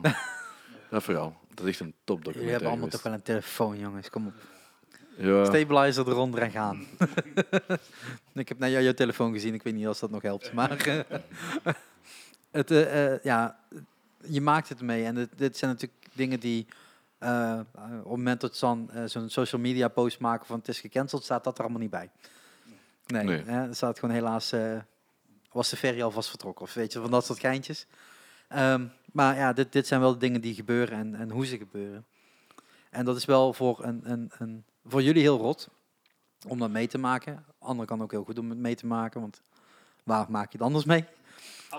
dat is waar. Dat is, dat is eh, eh, eh, een beetje positiviteit er eh, proberen in te houden. Ja, nee, maar dan op het eind helemaal eh, af, afhaakt, is het helemaal eh, te bezuren. Ehm, ik weet niet als ik het mag vragen, anders knippen we het eruit.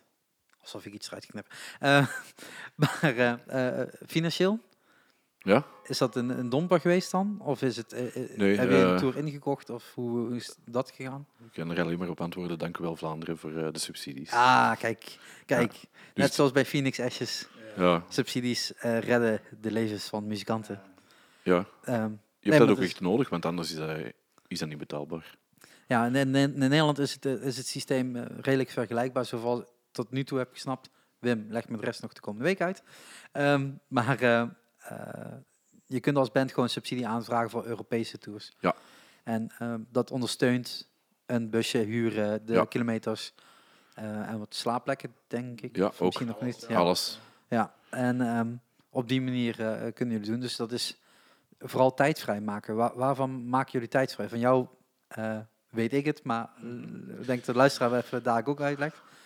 Wat, wat is jouw dagelijkse job? Want van the kost kun je nog niet leven. Ik werk voor, eh, voor de stad Antwerpen.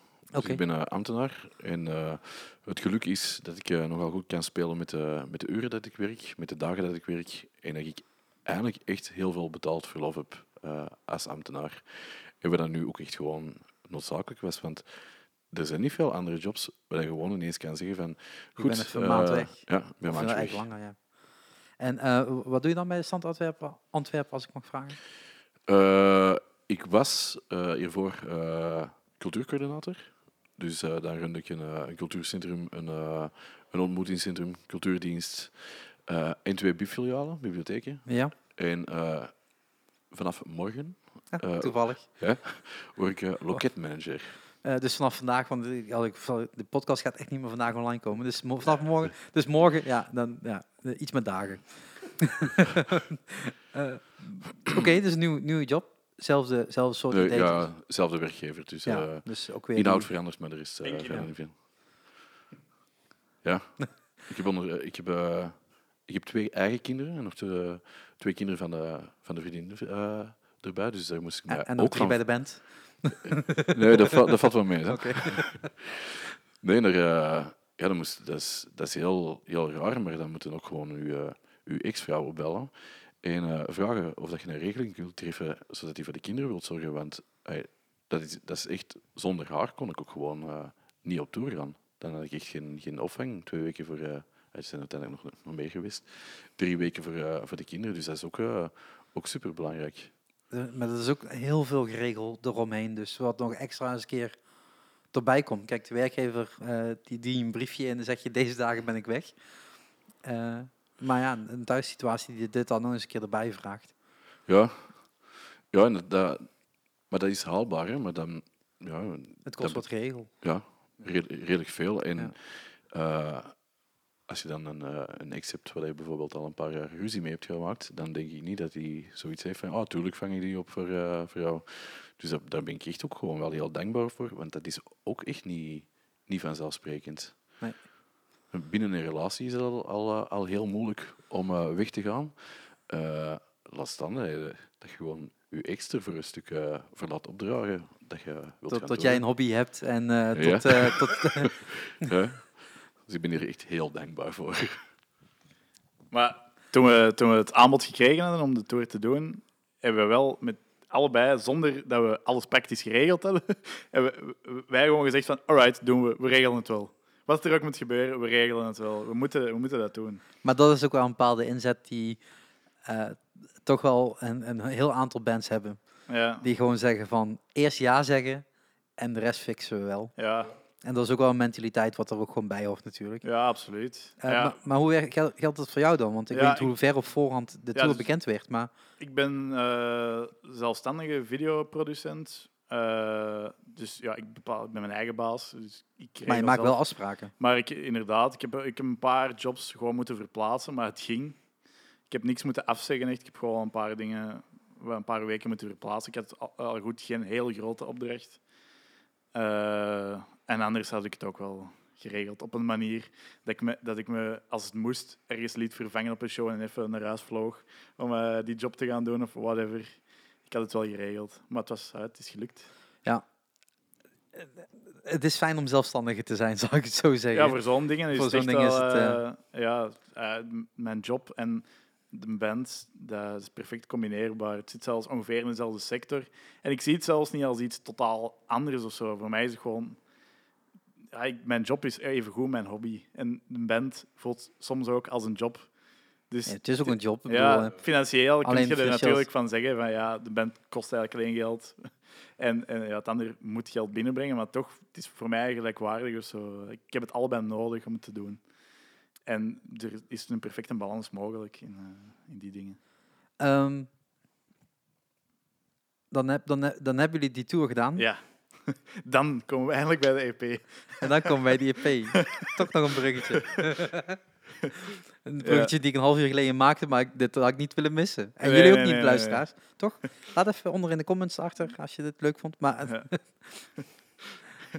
Eh, ja, dus dan de EP die hadden we voor de tour opgenomen, eh, voor de zomer.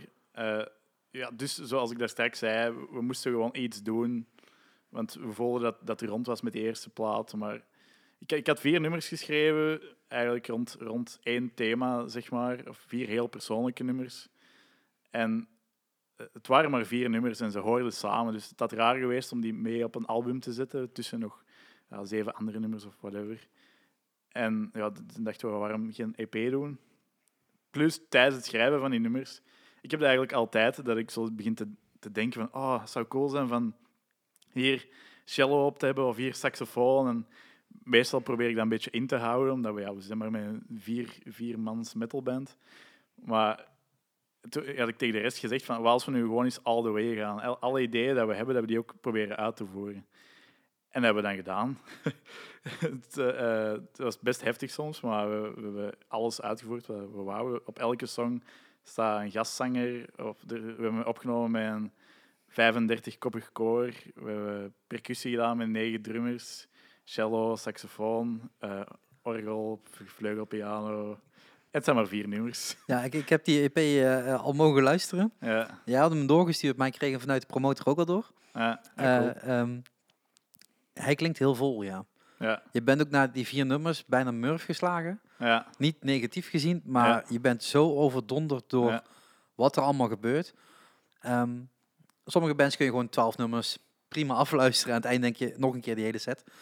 Ehm, dat had ik bij jullie niet. Niet als negatief, wat ik al zeg, maar gewoon Mhm. puur door bijkomen even. Gewoon van, wat heb ik nu eigenlijk allemaal gehoord? ja, En als je dan al die nummers individueel begint te luisteren en gaat luisteren naar hoeveel diepte daarin zitten, Hm. is dat eigenlijk op een niveau waar een band die als hè, een tweede EP pas maakt, hè, of de eerste EP en eh, na, Ja. de, na de plaat, eigenlijk nog niet zou staan normaal gesproken. De meeste bands die hebben een beetje wat groei, groei en dan ben je zes jaar later en dan kom je bij zoiets terecht. ja. Ehm, is het gewoon ook wat je zegt, je wil al die ideeën uit, uitvoeren? Ja, absoluut. En ik, eh, ik ben ook van mening dat een band, dat moet niet gewoon een album maken zijn, twee jaar spelen, een nieuw album maken zijn. Je kunt er zoveel leuke dingen mee doen. En, en ik denk dat we sowieso niet meer echt leven in een tijd van albums. Dat wordt altijd maar minder en minder. Het worden meer videoclips en playlists, denk ik. dat is Maar hoewel ik waar. hou van albums hoor, maar ja, dus je hangt daar niet aan vast of zo. Nee, maar mensen verwachten het soms. Ik heb Ja. het bij de Phoenix Session podcast ook gezegd. Ik zeg, eh, eh, de- jullie spelen nu al zo lang en ik wacht op een album. En dan maken mensen je live mee en heb je geen album. Na al die jaren nog niet. En dan mensen Oh. verwachten dat wel. Hè, ook weer losse tracks opgenomen, een EP'tje en zo. Dus dat wel. Maar je mist gewoon heel veel tracks. Weet je, als er twaalf op een, op een eh, show spelen en er Hmm. zijn maar zes uitgebracht, dan mis je die andere zes wel echt. Ja, Eh, nu hebben jullie al een volledige plaat en er komen dus nu vier nieuwe, nieuwe tracks bij. Ja. Ehm, daar is ook al een videoclip van opgenomen. Ja. Die toevallig door jou is gemaakt. Ja, Heel toevallig. ja. we hadden geen Ehm, budget meer over. De- nou, wat door, doordat al het geld in de videoclip was Ja, gestopt. waarschijnlijk. Ja. Want die videoclip eh, ziet er toch uh, topnotch uit, moet ik Ja, zeggen. ja, ja. we dachten, we moeten al geen eh, regisseur betalen. Dus dan steken we gewoon al het ge- geld in heel veel vlammen. Ja, dat zijn heel veel vlammen. Want ze zijn Ja. allemaal echt, toch? Ja, ja, ja het Ja. was eh, lekker warm. Ik wou net zeggen, die eh Ja, fikje was flink aangestoken. Ehm, maar dat, ehm daar moet je wel een promotie omheen maken, hoe stom dat misschien ook wel klinkt. Ehm, die clip is overal te zien. De, de, de, het is flink gepusht geworden, dus iedereen Mhm. heeft hem ook kunnen zien. Ja. Eh, daarop is die EP aangekondigd. Ja. Ehm, voor mij een gevoel, het verhaal wat je nu vertelt, heb ik nog niet heel veel voorbij zien komen. Kan misschien aan mij liggen, of aan de Nederlandse kant kan dat liggen. ja. Dat in België misschien heel veel verteld is geworden. Maar totdat vanuit jou geschreven is een concept van vier, vier ja. tracks. Dat komt Kom- nog wel, komt zeker nog? wel, want we, we hebben ook heel het proces gefilmd. Al het maken van de EP, dus alle opnames op de verschillende, in de verschillende studio's met alle verschillende mensen. En daar gaan we een soort mini-documentaire van uitbrengen. Eh, en dat is eigenlijk meer het muzikale verhaal, zeg maar.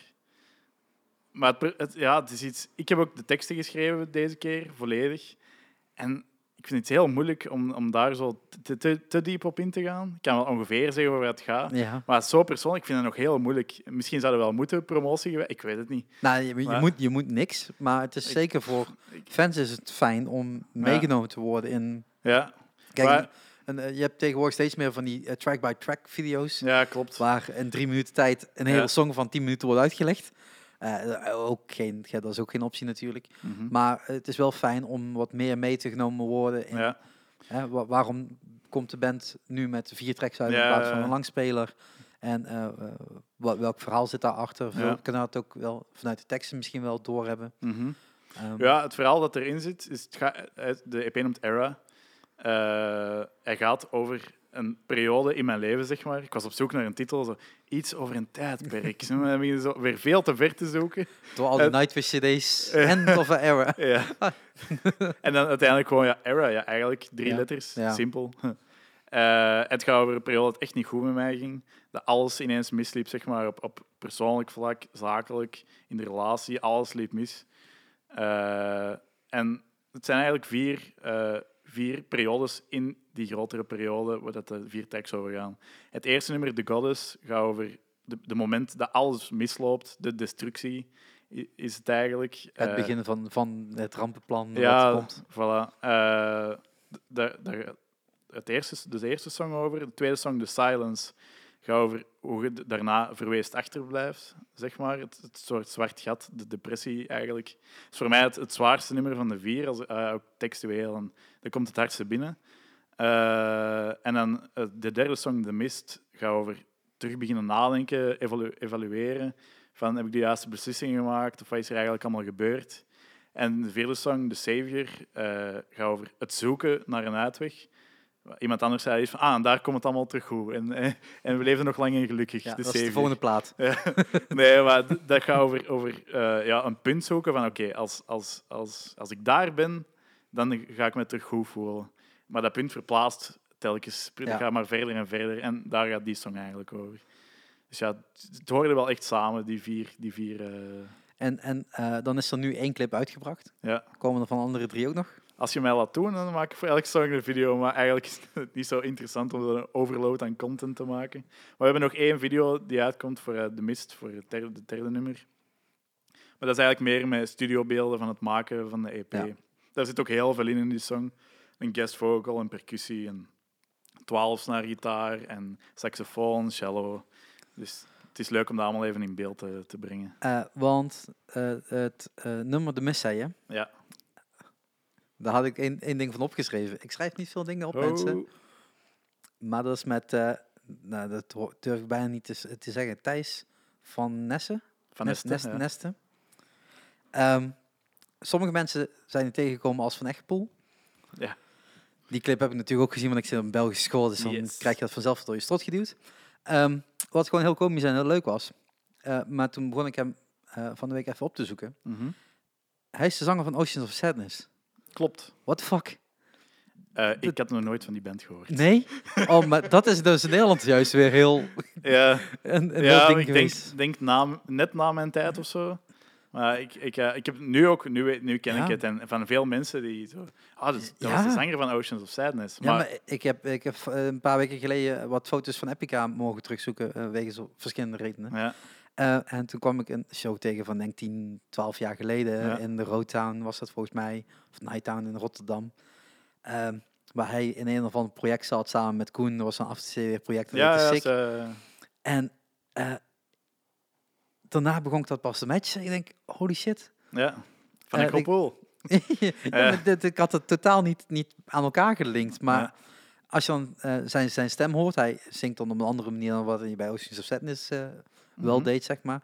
Maar die vult jou heel erg mooi aan. En dat, daar komt een dynamiek in die je, als je hem zelf alleen had moeten zingen, op een hele andere manier naar voren was gekomen. Dus zo'n zo'n toevoeging. Ja, één.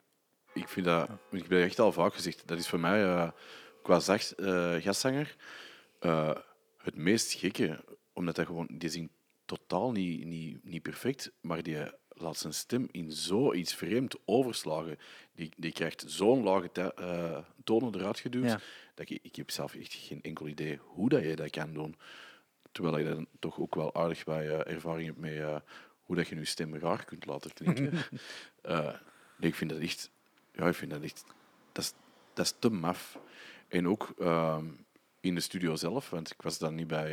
dat hij had ingezongen. Dus ik hoorde het daarna voor, voor de eerste keer in de studio. Ehm, die stem slaagt echt... Hey, tegenovergestelde wat dat van mij doet. Ja? Dat slaagt echt helemaal naar onder. En ja, ik heb daar gewoon echt mee... mee eh, zoals we in Antwerpen dan zeggen, kiekenvlees gestaan. Echt al het haar op mijn, eh, mijn lichaam stond gewoon recht, omdat ik vond dat, ja, dat, is zo speciaal. Ik had dat, nog, ik had dat echt zo nog nooit gehoord.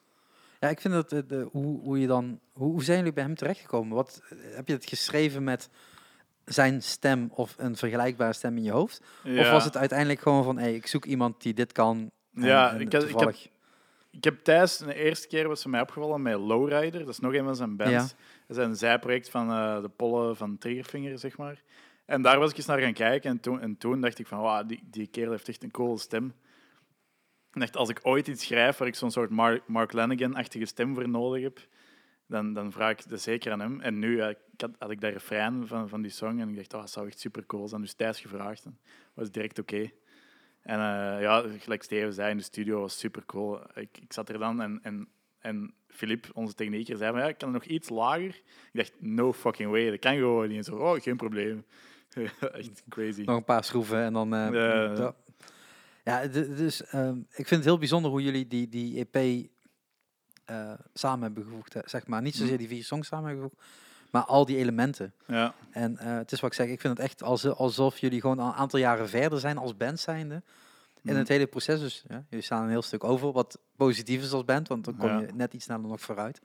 En ik denk dat deze EP, ik weet niet hoe die is gereviewd in in de Rock Tribune. 9 op 10. Hey, kijk eens aan. Ja, Yes. ja nee, maar hebben ze Ik denk dat veel je- geld moeten geven hoor. ah, ja, dat, dat, misschien is dat ook. Ik zal de aardschok wel lezen, kijken wat er daarin staat. Ja, dat staat er ook in deze maand. Denk ik. ik heb nog niet gaan kijken. Eh, nee, maar ik denk dat heel veel mensen eh, omvergeblazen zullen zijn van, ehm, eh, van, van deze EP. Oké, dat zou fijn zijn. Ja, en ja, maar het zou fijn zijn. Ik denk gewoon dat het gaat gebeuren, want Ja. ehm, eh, het, het, zou, het zou niet een van de eerste platen zijn die ik gewoon thuis opzet. Nou, luister ik sowieso thuis heel weinig metal. Mensen luisteren nou eens een keer. Ik luister heel weinig metal. Eh, maar dit zou eentje. Verrader. Verrader. Ik heb mijn lange haar ook al afgeknipt. Ja, het gaat echt helemaal los met mij. Ja, Ja, ik vind... ja, er is andere muziek, ja. Een andere podcast, andere mensen, gaan we nog wel een keer over praten. Eh, ja, dat wordt een heel vreemd verhaal anders weer. Anders moet ik dat weer herhalen, want ik heb het volgens mij een keer eerder in een eerdere podcast ook al over gehad. Ehm, wat ik wel onder andere luister, maar... eh, de- Ik luister ook veel hoor, we waren maar aan het lachen hoor. Nee, dat weet ik, dat weet ik. Maar het is, het, is een, het, het, eh, het, is een plaat die ik gewoon ook vaker zou luisteren. Ja, dat is En- leuk om te horen. En dat is iets... eh, niet heel veel plaatsen staan er bij mij op repeat. Dat is al sowieso bijna nooit het feit. Hm. Ja, Epica staat één keer als ze uit zijn, zet ik ze ook al ongeveer af. Ja. Want dan heb ik hem gelukkig al een paar keer mogen horen als het mee zit. Hm. Ehm, maar nee, maar het is, er zijn gewoon een paar platen die een paar keer terugkomen. Maar dit zijn van die platen waarvan ik denk, die kun je gewoon een keer goeie, met een goede koptelefoon, dan hoor je alles. Of Ja. met goede in-ears kun je alles horen. Ehm, alleen dan denk ik ook meteen, hoe ga je dat live brengen? Ja, dat was ook een van de dingen waar we van het begin af aan hebben gezegd. Als we dit gaan doen, gaan we niet constant denken, hoe gaan we dat live doen? Want oh, sorry, dat- sorry voor die vraag. dat- nee, nee, nee, maar, nee, maar nu, mocht dat vragen, maar dat beperkt je wel een beetje in je creativiteit Ja. als, als je dat vanaf het begin altijd gaat denken. maar die Burger, Eh. die heeft ook van alles geschreven. Ja, En 15 jaar later staat hij dan eigenlijk met een orkest op. ja, ziezo.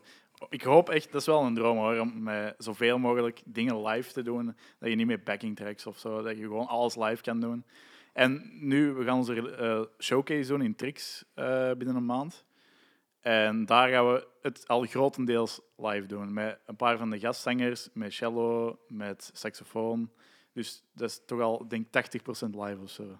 Maar dat is alleen maar goed, want eh, daar laat je ook misschien mee zien We willen het doen. Eh, Ja, dat, gewoon van eh, hoe, hoe, hoe vet het is voor jullie, hoe vet het kan zijn voor het publiek. Hm. Maar ik weer aan, ook richting boekers. Want er komt gewoon een prijskaartje aan te hangen. Ja, Als je dat zou willen, dan kun je ervoor betalen. Dan doen we dat. Hè. Dan ga je naar eh, Wakker Open Air. En dan geef maar een groter podium en dan kan iedereen opstaan, toch? ja. Ja, zo werkt het toch? En de, de, de mensen van Wekken hebben trouwens de DP ook eh, gesteund. We hebben een mooie donatie gegeven aan dit project. De Wekken Foundation. Dus dankjewel. Zet ons op jullie festival. Nee, Ja, ze moeten wel, anders waarom zou je steunen, toch? ja. Dat is gewoon, dat zit automatisch. Hè? Dat, eh, nee, maar dat is wel- dat, ja, dat wist ik niet, maar het is wel heel ja, tof. Dus ook nog maar Ja. net bevestigd, zeg maar. Ja. Ja. Maar dat is gewoon heel, heel tof dat daar vanuit de community dus hè, eh, al, al gedragen wordt. En ook wel Mm. gezegd, die rocktribune die het dan goed reed en de aardschok ook geheid ook. Eh, het, is, het, is, het is een EP wat gewoon vanuit... ik weet eigenlijk niet hoeveel Belgische metalbands er nog zijn. We zijn Eh wel Spoil best- Engine natuurlijk. Ja. Eh, Iris Goeses, shout-out. Ehm, Ja, er zijn er best wel wauw hoor. Maar, ja, maar die op dit niveau mee kunnen, ja, maar er- er- wij zitten niet op zo'n hoog niveau. En er dat zijn heel... vergis je echt in. Ja, maar er zijn, oké, maar er zijn nog veel bands gelijk op ons niveau, denk ik. Toch minstens dat. Ja, maar Alex, Eh, Alex stopt er gewoon met eentje, dus dat schiet Ja. niet op. Ja, inderdaad. Ja, dat plaatje is al vrij. Die fakkel kunnen we overnemen. nee hoor. want, die, Eh, want, die, want die verkocht de stadions uit, wil je zeggen. ja, toch meer Hij- als ons. nou, hij alleen wel, maar met zijn band viel het nog wel mee. Ja, heeft ik leuke vind shows ook gespeeld. dat Diablo Boulevard fijne dingen bereikt heeft. eh. Ja, maar ze hebben We geen stadions zitten ook maar, gespeeld. eh. Nee, nee. We zitten ook maar in Vlaanderen natuurlijk. En, en ze spelen binnenkort ook in een uh, afscheidsshow in een AB. Ja, dat hebben waar ze ook nog een heel fijn voorprogramma bij komt. Oh, oh. Eh, de heideroosjes hebben al uitverkocht, hoor. Dat is, ik weet niet wat Diablo daar... is bijna uitverkocht. Oké. ik. Dus snel tickets kopen, mensen. Ja, ik zou het doen. Ik En zou zeker doen. naar het voorprogramma komen kijken. Ja, gewoon op tijd zijn. Het is niet een andere zaal, het is gewoon op dezelfde stage. Ja. Eh, ja, nee, er je- zijn nog wel echt fijne bands in België hoor. Ik, eh, ik denk, ja, Spoil Engine staat ergens bovenaan natuurlijk. En daar staat ook Freddie Mercury. Iets minder internationaal. Ja. Maar wel, wel- heel, ik vind Maar een heel fijne, fijne band. En heel cool wat die doen. ook. Maar dat komt door hun teksten. Als ze dat al denken... Heb je ze al live gezien? Ja, ja, ja. ja. Ja, het is Ja, een, eh, maar- live eh, zit je niet altijd met die teksten, maar het is gewoon een supergoeie, sterke band. Ja, maar ik denk dat heel veel mensen het ook niet, niet begrijpen als het alleen maar in het Vlaams-Nederlands is. Hm. Ja, Het helpt wel. Het helpt gewoon om het Engels te doen. ja maar, absoluut. maar die band heeft zoveel energie. Dat is, Ja, het een super Ja. coole band hoe ze het doen. eh. En er zijn nog wel een paar. Carnation is ook een death metal band die het ook echt goed doen. Net hun eerste plaat uitgewerkt. En die ja, hebben echt ook al eh, fijne dingen bereikt. Eh Amara, Aborted. Oh, ja. eh, nou, nee, maar Amara, ik heb toevallig deze week, dat project zien jullie nog wel, daar, kan ik verder niks over vertellen. Eh, daar krijg ik ook zijn naam mee en dan denk ik ook van ja, geen idee wie het is, maar ik moet er dadelijk iets mee. Ehm, welke functie mij daar in die rol zou zijn, je gaat mij niet zien. Maar ik moet er iets mee.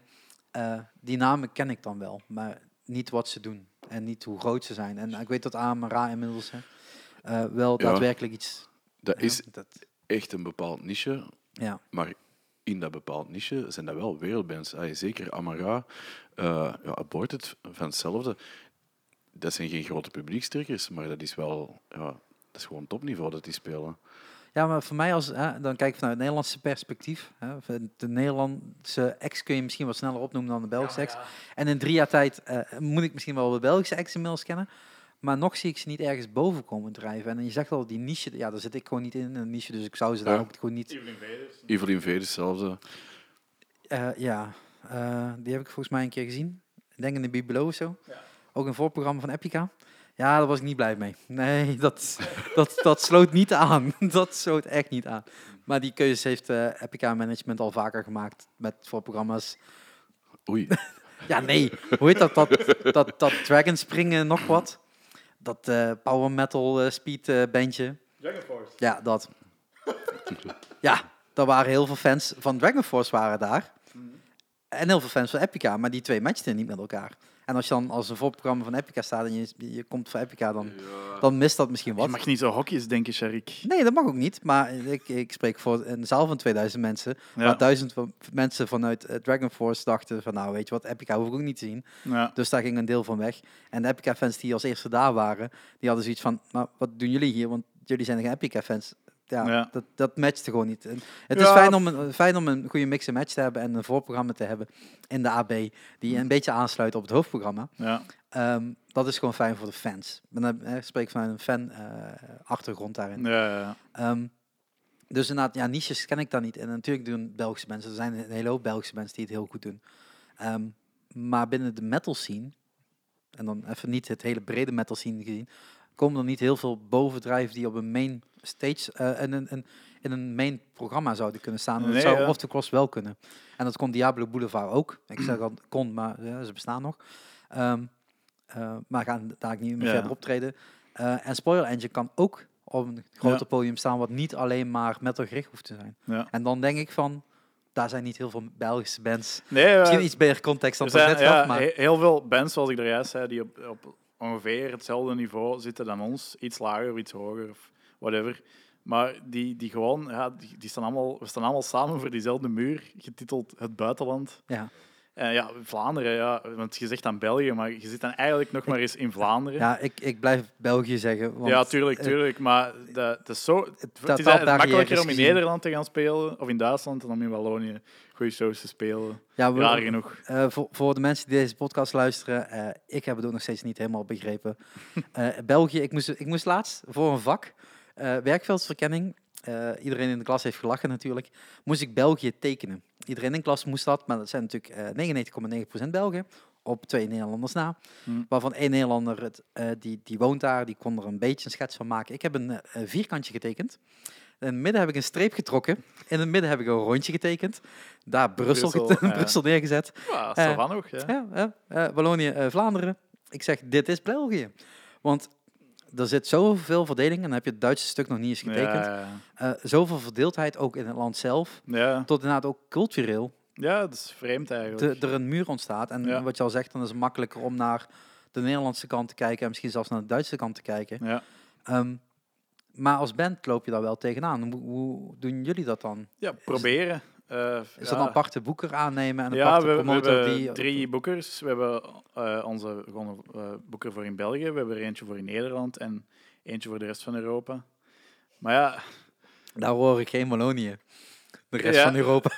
eentje voor België zei ik in het begin. Maar ja, het is ja, gewoon moeilijk. Maar ook voor hem zal het moeilijk zijn, of haar, ik weet niet wat ehm, om beide kanten te bedienen. ja, absoluut. Ja, ja, er is om een of andere reden gewoon weinig voeling met wat dat er aan de andere kant van de taalgrens gebeurt. We hebben al wel één keer, denk ik, één show, ja, één show mee op de cross in Wallonië gedaan, op Walrock. En er stond toch vijf man of zo. Dus, eh, Hey, dat zijn de eerste vijf fans. ja. Uitbouwen naar 10, 20, 40. Ja, en ze waren eh, vrij dronken, dus ik weet niet of ze de Oh, volgende ja. dag nog wisten. eh, maar, maar als ik dan kijk naar Frankrijk, dat net iets uh, vies voorbij de grens, Hmm. is er wel echt een marktgebied waar Absoluut. dit kan aanslaan. Ik bedoel, die muziek in, in Frankrijk is gewoon groot. Absoluut, maar ja, het kan, kan zeker werken buiten de grenzen. Maar zoals ik zei, het is die muur waar dat je voorbij moet geraken. En, en, en eh, we hebben ook niet echt zin om zelf te gaan boeken en, en dan risico's te lopen van tien uur te rijden en voor drie man te staan. Ik vind het niet erg om geen- af en toe voor... België is geen 10 uur rijden. Ik moest Nee, nee, maar ik, ik, heb het over, ik, heb het over, ik heb het over buitenland. Hè. Dus Ah, ja. we in Berlijn iets gaan doen of zo, weet ik veel. Ja, ja ik wil wel een beetje zekerheid. Maar daarvan zijn die support acts dan weer een goede keuze. Want hè, Inderdaad, het ja. hoofdprogramma moet maar flink eh, eraan trekken om die zaal vol te Of als krijgen. je tien shows hebt staan, ja, als er drie minder bij zijn, ja, dan is dat ook niet zo'n ramp. Maar ja, je maar moet dan ze heb wel je de een tien over- shows, tien shows binnenkrijgen. En ja, daar zijn we nu hard aan het werken, want ja, dat moet nu ook wel gaan gebeuren. eh, volgend jaar hopelijk. Eh, we hebben nu die eerste tour gedaan, maar ik, ik zou morgen eh, terug kunnen vertrekken. eh. Jij ook? Eh, mijn verlof is op, maar eh, vanaf morgen- januari terug. en morgen meteen de eerste dagje nieuwe baan. Dus dat lijkt niet goed om binnen te komen lopen en zeggen: hé hey jongens, eh, overmorgen ah, komt een beetje lastig uit. en binnenkort is alweer herfstvakantie. Dus Ja. dan heb je ook weer verlof, denk ik. Nee. Nee? Nou, 1 november Wa- wel, wat toch? is dat, vakantie? Ah ja, Ja, ja, 1 november is ik ben zelfstandig, dus ik heb geen flauw idee. Ja, ik wist ook niet wat 1 november was, hoor, tot vorig jaar. Toen Eh. kreeg ik opeens te horen wat het was. En toen moest ik ook weer iets gaan doen voor school. En dat moet ik nu weer. Ehm, maar dat, ja, Nederland België loopt daar gewoon heel eh, vreemd. En Nederland is nu in het zuiden vakantie. Volgende week is het noorden vakantie. En de week daarna is dan België vakantie. Dus voor mij is het heel vreemd eh, om, Ja. om, om allemaal mo- te moeten blijven volgen. Wat eigenlijk wel aan de ene kant handiger zou zijn. Want dan weet je ook opeens waarom tot nu eh, bepaalde evenementen zijn of eh, Ja. bepaalde shows nu, nu Ja. plaatsvinden. Ehm, dat, dat staat eigenlijk nu te gebeuren. Dat moet nu geboekt worden. Dat moet allemaal. Ja, hopelijk. EP Ja, daar zijn we aan het werken. Wan- Wanneer is de EP-release? Eh, op 2 november komt hij uit en op 16 november doen we de showcase in Dus iedereen kan alle nummers eh goed. Inderdaad. Je snapt het. Super slim gedaan. Ja, sommige, sommige mensen doen het ervoor. Dat je denkt, ja, maar dan Ja, niemand, eh, kent niemand Ja, tuurlijk, Een beetje, ja. beetje jammer. maar we spelen ook nog genoeg andere nummers. Het zijn maar vier nieuwe nummers natuurlijk. Dat is ook wel. Ehm, wordt de show dan aangepast? In Trix bedoel je? Of eh, Al- algemeen? Voor die vier nummers voorin verweven, want je Ja, zegt dat ze horen bij elkaar. ja maar om dan tijdens de show... met al die extra dingen dat we, dat we doen, al die extra instrumenten en extra zangers, zijn ze niet allemaal even speelbaar met vier gewoon. Dus ik, denk, we zijn nu nog volop aan het uitzoeken, maar ik denk dat er twee vast gaan opgenomen worden in de set of zo. En dat er misschien ja, de andere twee meer voor eh, speciale gelegenheden zullen zijn. En ehm, eh, daar hebben we het vorige keer ook eh, een stukje over gehad bij, bij Phoenix Ashes. Ehm, eh, spelen jullie ooit een keer akoestisch? Nee, dat, dat, dat doen we niet. Dat is ook redelijk moeilijk met de vocals even, maar ik heb er wel over zitten nadenken. Een soort, als we ooit die kans krijgen om zo'n soort kleinere setup te doen, gelijk minder, minder drums, maar ik zou wel zo gewoon distortion gitaren doen, maar een soort ja, intiemere, ja. intiemere setups te doen. Ja, dat lijkt me wel cool eigenlijk. Maar ik denk dat dat bij jullie wel kan passen om, om die tegengang eigenlijk te laten zien. Ja, Gewoon dat dat full front keihard doorgaan naar een... ja maar het probleem is dat wij allemaal niet kunnen zingen. Ik kan eh, roepen eh, en schreeuwen, maar echt niet zingen. En eh, ik heb dat ze- zelf één keer eens gezien in, eh, in AB, een aantal jaar geleden. Hey, echt heel veel jaar geleden. Toen dat eh Oxbow in het voorprogramma van ISIS speelde. Beide bands zeggen me niks. Eh, allebei eh, sludge metal. Oké, ja. Ehm en Oxbow was een eh, akoestische gitaar. En, en hij zelf eh, brulde daar echt op. En dat was echt een van de, de, de meest freaky dingen die dat ik tot hiertoe in mijn leven heb gezien. Ik kreeg dat ook gewoon niet verwerkt tijdens dat optreden wat er juist gebeurde. En dat was, die, die, die riep echt zo hard dat die gitaar ook met momenten gewoon compleet verdween. En het, het had iets speciaals, zou ik zo zeggen. Ik Ja, het kan ook niet dat helemaal de dat bedoeling zijn geweest. Maar, nee, maar het is natuurlijk... eh, eh, ik- bij sommige bandjes heb ik gewoon dat gevoel. Zeker als je dan... eh, jullie gaan geen symfonische kant op, maar het feit dat je ehm, een bepaald gevoel in die nummers legt, dan kun je ook kijken naar het van is het op een andere manier te brengen. Waardoor het misschien weer net iets toegankelijker is voor een, misschien een ander publiek wat normaal gesproken niet naar, eh, naar deze muziek luistert. Wat eh, misschien dan wel weer net die drempel is om wel een keer zo'n plaat op, eh, op te zetten. Ehm, die, die show op, eh, op 16 november, ja zeg ik goed hè, ja. Ja. 16 november. Ehm, dat wordt nog leuk aangekleed, want ik zag een mooi trailertje voorbij komen. What else? Eh, daar komen nog wat meer bandjes spelen. Ja. Ook bandjes met, eh, met, met namen die je zeg maar niet uit de tekst kan halen. Daar moet je volgens mij nog iets dichterbij houden. Eh, nee, het, valt- het, valt- het valt nog wel mee. Maar drie bandjes. ehm, komen erbij. Dus het is een leuk avondje wat, wat leuk opbouwt. Ja. Naar, naar wat meer toe. En de tickets zijn verkrijgbaar. Ja. Gewoon via de Trix, zie ik al. Trix online. Ja. Ja. Ehm, er staat alleen geen prijs bij. Kost geld, mensen. Kost Ja. geld. Maar eh, Ja. dat maakt niet uit. 12, 12 voor verkoop, 15 kassa, denk ik. Oh, kijk. Ja. Dat is nog allemaal te doen. En dan nog de EP erbij, die moet je nog erbij tellen. Want die komt, als ik het goed heb opgeschreven, op wit vinyl, ja. Yes. Dat is wel heel tof. Ja. Eh, ook een plek waar die muziek op hoort, toch? Ja. Ja, dat, dat, dat was, eh, eigenlijk wouden we dat ook al met, eh, met onze eerste plaat doen, dat op vinyl uitbrengen. Ehm, alleen kost dat jammer genoeg nog wel redelijk veel om dat uit te brengen. En toen ging dat niet. En nu, en daar moeten we dan weer andere mensen voor, voor bedanken. Je mag ze allemaal bedanken. ja, dat is, dat is iemand die dat we eigenlijk heel erg vaak moeten bedanken. Is met name Bert Krokaerts, die dat, eh, voor ons de roadmanager is, eh, ons af en toe een eh, repetitieplek voorzie, eh, zijn studio eh, in gebruik stelt voor ons. En die dat ons ook eh, na al die jaren nog, eh, nog kan uitstaan. Wat dat ook wel, En eh, wederzijds. en, en wederzijds. Dat helpt, dat helpt. Nee, en eh, ja, het is eigenlijk dankzij hem dat we dat, dat, we dat, dat we dat kunnen uitbrengen. En ik vind dat ook wel belangrijk gewoon bij een, eh, bij een EP. En zeker bij een EP dat we hebben uitgebracht met zoveel extra instrumenten erbij, dat dat op, eh, op vinyl uitkomt. Omdat uw klank en uw ruimte op vinyl is gewoon veel groter als, als digitaal. En dan komt het eigenlijk denk ik echt tot z'n recht. En, en dan nog eens een keer met, met geweldig mooi artwork erbij. Ja, ja klopt. Eh, getekend door mijn vriendin. Eh, die heeft er echt heel veel werk in gestoken. En dan Dat is kun het ook zien. fijner. fijner eh, dus dank u.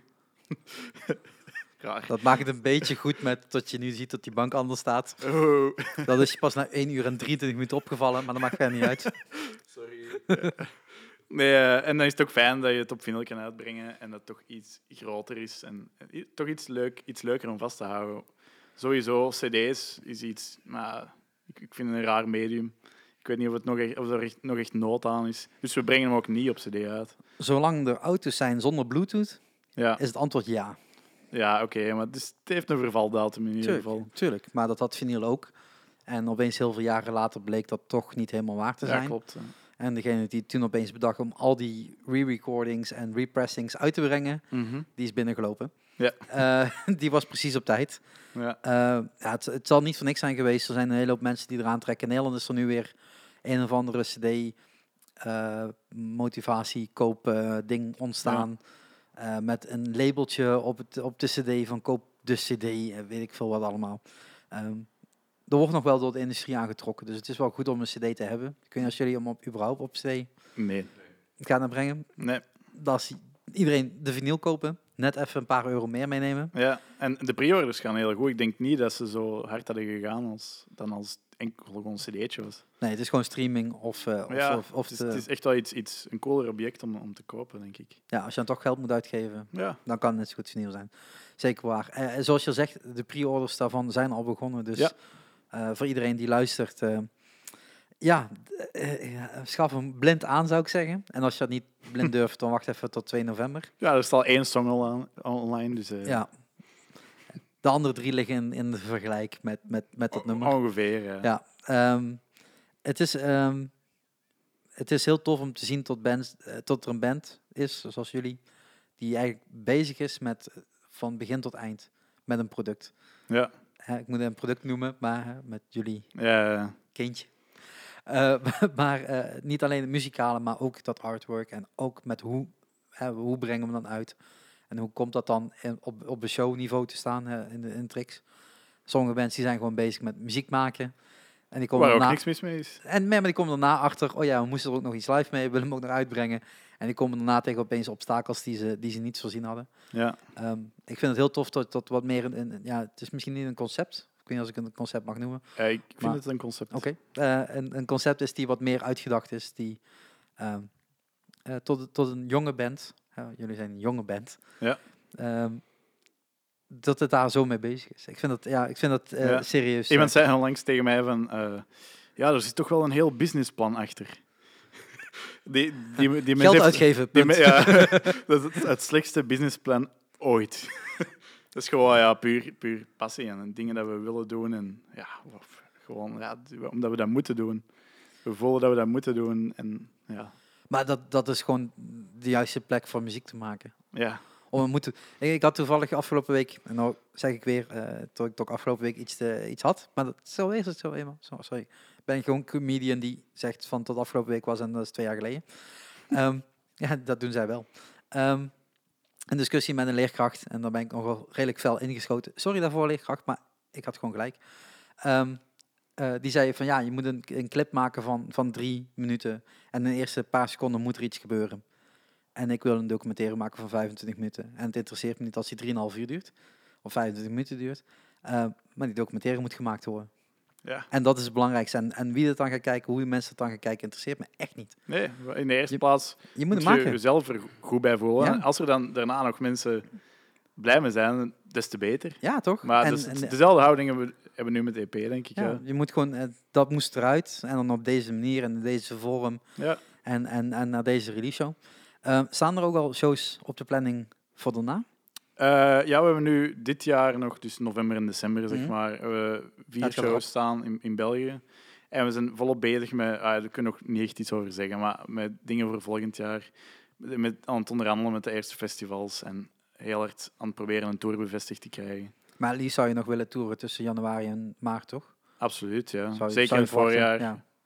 En eh, want tot, ja, rond april begint, begint een beetje die ERA-periode. Ja. Het is juni volgens mij, maar eh, dan beginnen die eerste festivalletjes te komen. Klopt. En eh, zeker België is ook een redelijk festivalland. Mhm. Daar spelen ze ook liefst, liefst buiten. En liefst zoveel mogelijk. Ja, ik hoop dat dat, dat, dat allemaal, allemaal lukt. Dat dat allemaal nog geboekt kan worden. Inderdaad. Eh, gaan wij nog een aankondiging voor, eh, voor Nederland eh, voorbij zien komen? Is daar mee bezig of is het nu voor, ja, voornamelijk... ik heb, ben met iets bezig voor Nederland. Het, is ook nog niet bevestigd. Het is echt moeilijk voor de juiste shows vast te krijgen, maar we zijn met iets, met iets bezig. Ja, ik weet dat er een bandje is waar je een keer mee gespeeld hebt die ook wilt gaan toeren. Dat weet ik toevallig. Hoe? Ja, komt ook uit Reuver. Ja. Ah, ja, oké. Het andere bandje. Ja. Nee, Epica gaat rusten. Epica rusten. Een Ja. jaar lang. ja, maar die mogen ons ook altijd meenemen hoor. Ja, dat is geen probleem, maar wel pas over een jaar, want jullie moeten eerst rusten. Eh, ja, die zijn zo druk geweest. Ja, Eh, nee, maar mee eh wilt, eh, wilt in het einde en begin van het jaar dingen gaan doen. Ik Ja. zou eens opbellen. Nummer heb je. ja. Eh, want, ik moest, hè, want ik moest een bruggetje maken, dus ik mo- moest even eentje vinden. Ik moest van Mark een vraag stellen. En ik heb niet, ik heb, ik heb niet gevraagd al- om, om vragen te, eh, in te het over wielrennen. Eh, nee, het gaat niet over wielrennen. Nee, het gaat om een Belgische eh, collega. Ik heb het gewoon opgeschreven. Ik heb Mark gevraagd, moet ik het zo vragen? Hij zegt van, het is zo goed. Hoe ben je in contact gekomen met Urbanus? Ah. En verder weet ik niks van het verhaal. Ah ja, nee, ja, ik ben dus videoproducent en, en sinds een jaar of vier, vijf eh, werk ik ook dikwijls met Urbanus voor verschillende videoclips en projecten. En heeft mij gewoon, eh, hij speelde toen live met een band, deed hem zo wat festivals in de zomer. En die band, die kende ik heel goed. Eh, en zij hadden mij aangeraden van, ja, Jens, die moet hebben voor je videoclips. En ineens kreeg ik telefoon. Hallo, het is met Urbanus. Eh, ja, sindsdien eh, werk ik daar veel mee samen. En, en we wel een toffe, een leuke dan- samenwerking. Want hij werkt ook niet graag met, met te grote productiehuizen en, en team en crew en zo. Te, te business-like, zeg maar. Ja, hij heeft voor, voor mijn gevoel alles heel veel zelf gedaan vroeger, ja, toch? absoluut. Ja. En al- Eh, als ik mijn video's maak, is het ook zijn visie dat ik moet proberen uitvoeren. Want hij heeft zo duidelijk zicht op humor en hoe dat iets moet zijn. Ik kan niet aan, tegen Urbanus zeggen hoe dat iets grappig, allee, grappig gaat zijn. Dus, eh. Urbanus, doe, ja, dat gaat niet. Die Nee, zin kun je niet afmaken of je bent al Eh, buiten. Maar Ja. ik ben altijd grote fan geweest. Ik heb vroeger ook alle strips, alle strips altijd gelezen. Ik heb de shows bekeken, films gezien. Dus toen ik die telefoon kreeg, was echt... eh, Maar hoe vreemd is zo'n telefoontje dan? Ja, heel vreemd. Ik dan ben je echt heel, helemaal aan het trillen. Ik was, echt, wat- ik was ook nog niet lang bezig. Ik was twee jaar bezig of zo. En, en dan vroeg hij om iets langs te komen bij hem thuis. En dan stuurt hij zijn adres door in Tollenbeek. Dus echt effectief het dorp waar hij in de stripboeken woont. En dan ben ik naar hem thuis gegaan. Ook super zenuwachtig. En, en dan ja, begin je te, te brainstormen over een video en het klikte wel, blijkbaar. En eh, heb ik toch een beetje gefanboyed en gezegd van ja, ik heb alle strips altijd tot nummer 120 altijd gekocht en gelezen. En zo, ah ja, oh, ah, wacht. En dan verdween even naar zijn garage en komt zo terug met zo'n stapel stripboeken van ja, hier zijn alle nieuwe. Alright. Wees nog even allemaal ondertekenen. Ja, eentje heeft hem toch. Hè? ja, dat heb je goed geregeld. Goed, goed, eh, goed uit de deal gesloten. Ehm, maar dat is misschien ook wel een bruggetje. En, dan- en dan sluit ik jou heel even buiten. Denk een heel klein beetje. Maar je kunt daar eigenlijk wel weer over meepraten. Dat is geen probleem. Eh, want eh, eh, we hebben net heel even aangehaald. Maar Panda Productions Klopt. is, het, is het bedrijf wat je runt. Ja. Ehm, het is, je bent zelfstandige. Klopt. Maar het is een bedrijf, want er lopen wel iets meer mensen rond die je daaraan meehelpen. Eh, want daarvoor maak je, daarmee maak je videoclips. ja. En die videoclips voor de Epica-fans, die weten dit al lang. Ehm, dat is in ieder geval zoals ik jou heb leren kennen. Ja, Eh, eh, omdat jij iedere keer voor mij liep als ik een foto wilde maken. sorry. Ja, sorry. dat maakt niet uit. Maakt niet uit. Ik doe Ik ook heb- maar mijn job, hè. Ja, ik ook. dat is een beetje het hele, hele, het hele punt. Nee, ja, eh, jij moet je eh, maken en Ja, ik, ja, ja. ik wacht wel tot, tot je weg bent en dan maak ik dan mijn shot. Ik bedoel, dat maakt niet zo heel veel verschil uit. En dan sta je er gewoon op. Net zo makkelijk. Ehm, hoe ben je daarin gerold? Hoe is, hoe is dat ontstaan? Ja, to- toen ik begon met video's en videoclips, toen- nu heeft elke band videoclips. Ik vind het echt crazy. Elke band die net uit de garage komen, die hebben al een eerste videoclip. Maar toen ik begon, dat was in 2010, acht jaar geleden, eh, toen had bijna geen ene kleinere band had een videoclip of ons formaat, de, misschien. Maar, ja, al, al het geld bij elkaar verzamelen Ja, eh, inderdaad. voor 300 euro budget eh, iets Ja. te maken. Maar dan is de opkomst van die DSLR-camera's ook echt gegroeid. Eh, dus de, die camera's eruit zien als een fototoestel. En ja, ben ik gewoon... Ik had mijn, mijn toenmalige vriendin had ka- camera gestudeerd. En een vriend van mij had camera gestudeerd. En ik was met muziek bezig. Dus ik dacht, alright, ja, we proberen een videoclip te maken voor een lokaal bandje hier uit Murtsel. En, eh, en dat is gelukt. En ik heb dat zo een jaar als hobby gedaan, denk ik. En toen begon het echt uit de hand te lopen. Ik begon echt veel aanvragen te krijgen. En, en toen ben, ik- ben ik dat als job beginnen doen, toen ik twintig werd of zo. Fulltime als zelfstandige. En ja, sinds, sinds toen is de videoclipmarkt ook veel beginnen groeien op, op, op lager niveau, zeg maar. Is, is dat positief of negatief voor jou? Voor mij is dat positief, want ik, ben op de, ik denk dat moest ik nu beginnen, dat het veel moeilijker zou zijn. Omdat er veel meer concurrentie is. En nu heb ik al een beetje een naam gemaakt, waardoor het te makkelijker is voor mij om aan werk te geraken. Maar... Want eh, waarmee en hoe schiet je? Wat liefst? Waarmee en hoe schiet je? Oh, dat verschilt per project. Ik ga per project gewoon kijken welk materiaal we nodig hebben of hoeveel mensen. Of... Ehm, eh, heb je het materiaal zelf in huis of huur je het? Ik huur het. eh, vroeger had ik alles zelf, maar nu huur ik omdat... Ja, die, die- ten eerste, die technologie gaat gewoon veel te snel. Maar, eh, je koopt een nieuwe camera voor 20.000 euro en het, twee jaar later is die al verouderd. Dus Ja, dat is, een beetje, dat is een heel klein beetje het voordeel bij eh, fotografie. Eh, Ja. Voor de mensen die dat niet weten. Fotografie koop je een camera, als je een, een, een hele dure camera wilt, voor 4000 euro. Ja, Een extreem dure camera voor 6000 euro. En dan heb je het Ja. wel aardig gehad, denk ik. Tenzij je de speciale camera's eh, hoek ingaat. Maar je koopt een instapmodel voor 250 tot 300 euro. mhm. Waar je toch heel veel leuke dingen mee kan doen. Een eh, filmcamera, eh, daar koop je iets leuks voor 5, 6, 700 euro. Hè, dan kun je leuk, leuke dingetjes mee doen, zoals vloggen. Voor 1000 euro kun je misschien nog zelfs een leuk clipje opnemen. Mhm. En dan kom je in die, DSLR-klasses van, van 2000, 3000, 4000 euro. Waar je tegenwoordig... Ik, ik heb de eh, laatste, de 850 gekocht van, eh, van Nikon. Die kon, ja. Die is, eh, die is 4K. Ja. Eh, daar kun je echt leuke dingen mee doen. Ja. Maar dan zit je op 4000 euro. Maar wil je een stukje professioneler, is meteen Ja, de als je sprong. naar meer cinemacamera's gaat, dan, Ja, dat dan is is, het een 20. heel grote sprong. En Ja. dan ga je zelfs heel snel naar 40 of zo. Dus, Ja. En dan heb je nog geen lens erop eh, op Nee. Dat is gewoon puur het, eh, het Dus dat is, ja, om, om aan te kopen... Ik ben zelf eigenlijk geen cameraman, ook niet. Ik ben meer producent, regisseur, postproductie. Eigenlijk alles behalve camera. Oké. Maar bij bands als Epica, die nemen mij dan gewoon alleen mee en dan doe ik alles zelf.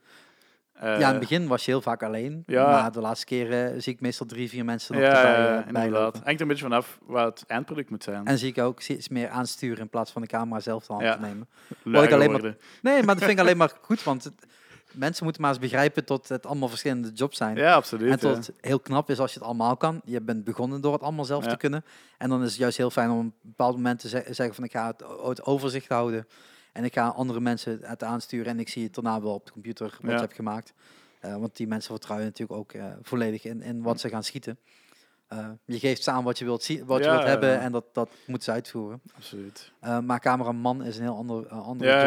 ja, en ik ben zeker geen cameraman. Ik, ik ben ook echt een technische nul. Dus ik moet, als, ik, als ik een crew bij heb, moet ik altijd gaan vragen: hoe moet ik, hoe moet ik dat aanpassen? Of, ik, ik, ik weet echt niet waar ik mee bezig ben.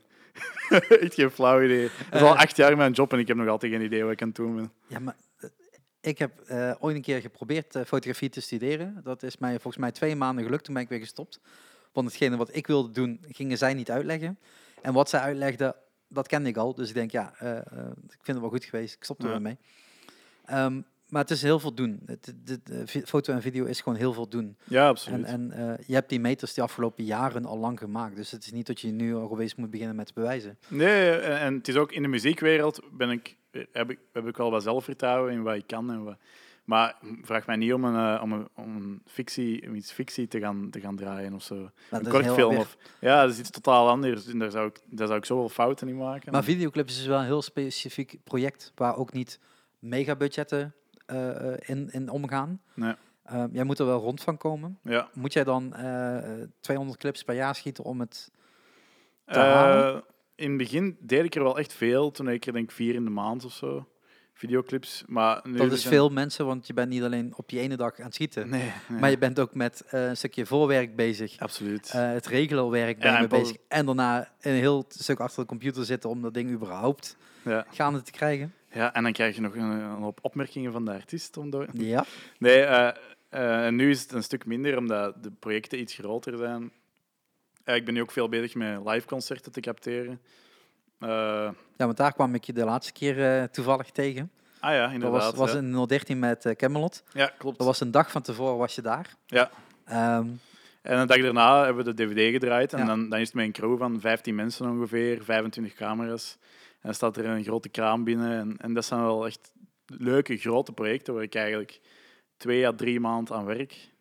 En zo'n dingen doe ik nu meer. Ik heb ook Arian gedaan vorig jaar, het ah, Arian de Universe DVD. 013. Ja, die heb ik ook gedraaid. En eigenlijk allemaal dankzij Epica, dankzij dat zij mij mee op de baan hebben genomen. Ja, eh, Aftermovietjes hebben laten maken. Dan is live video's gedaan in Parijs. er, er zitten hier eh, een hoop mensen op de bank en in de stoel die wat te danken hebben aan Epica. Ah, ziezo.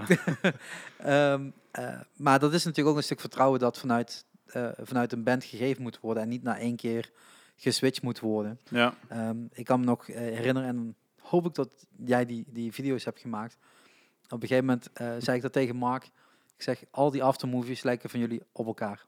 ja, Want het was iedere keer dezelfde persoon. ja. Terwijl andere bands zeggen, ah, maar dan gaan we het ene keer met die doen, de andere keer met die doen, de andere keer. Waardoor je een heel on, totaal geheel krijgt in een Ja. band. Terwijl juist een band zou moeten zien zoals een concept en een totaalbeeld zou moeten weergeven. En zeker over een hele tour. Ja. Ehm, waardoor je na elkaar wat vaker op, op, op, op de weg ook wel natuurlijk wat eh, vaker tegenkomt. ja. Ehm, en ik gaf ze compliment, maar die heb ik jou nooit gegeven. Hier komt het. Ja, eh, de, de videoclip van de 013 show van vorig jaar is het dan denk ik. Ja, met het akoestisch nummer. Dat akoestische nummer. Ja. Iedere, iedere band zou daar de titel Aftermovie op hebben geplakt. Ja. En jij hebt hem zo geschoten totdat een aftermovie niet voelde als een aftermovie. Eh, het was wel de bedoeling. Want ze hebben er zelf aan... eh, Hoe ze het genoemd? Gewoon als videoclip. Ja, official video? Ja. Ah, oké. En dat, en dat maakt het gewoon van veel be- beter in beeld gebracht dan een normale aftermovie. Als dat gewoon een aftermovie titel was Ja. geweest, had dat niet op die manier gevoeld. Ja, ik vind het soms ook raar dat, dat alles zo... Ah ja, een videoclip is wel iets anders dan gewoon een aftermovie Ja. natuurlijk. Maar soms tegenwoordig zijn er te veel benamingen. Je hebt zo de uh, official audio video of de lyric De- video. En ja, f- ja.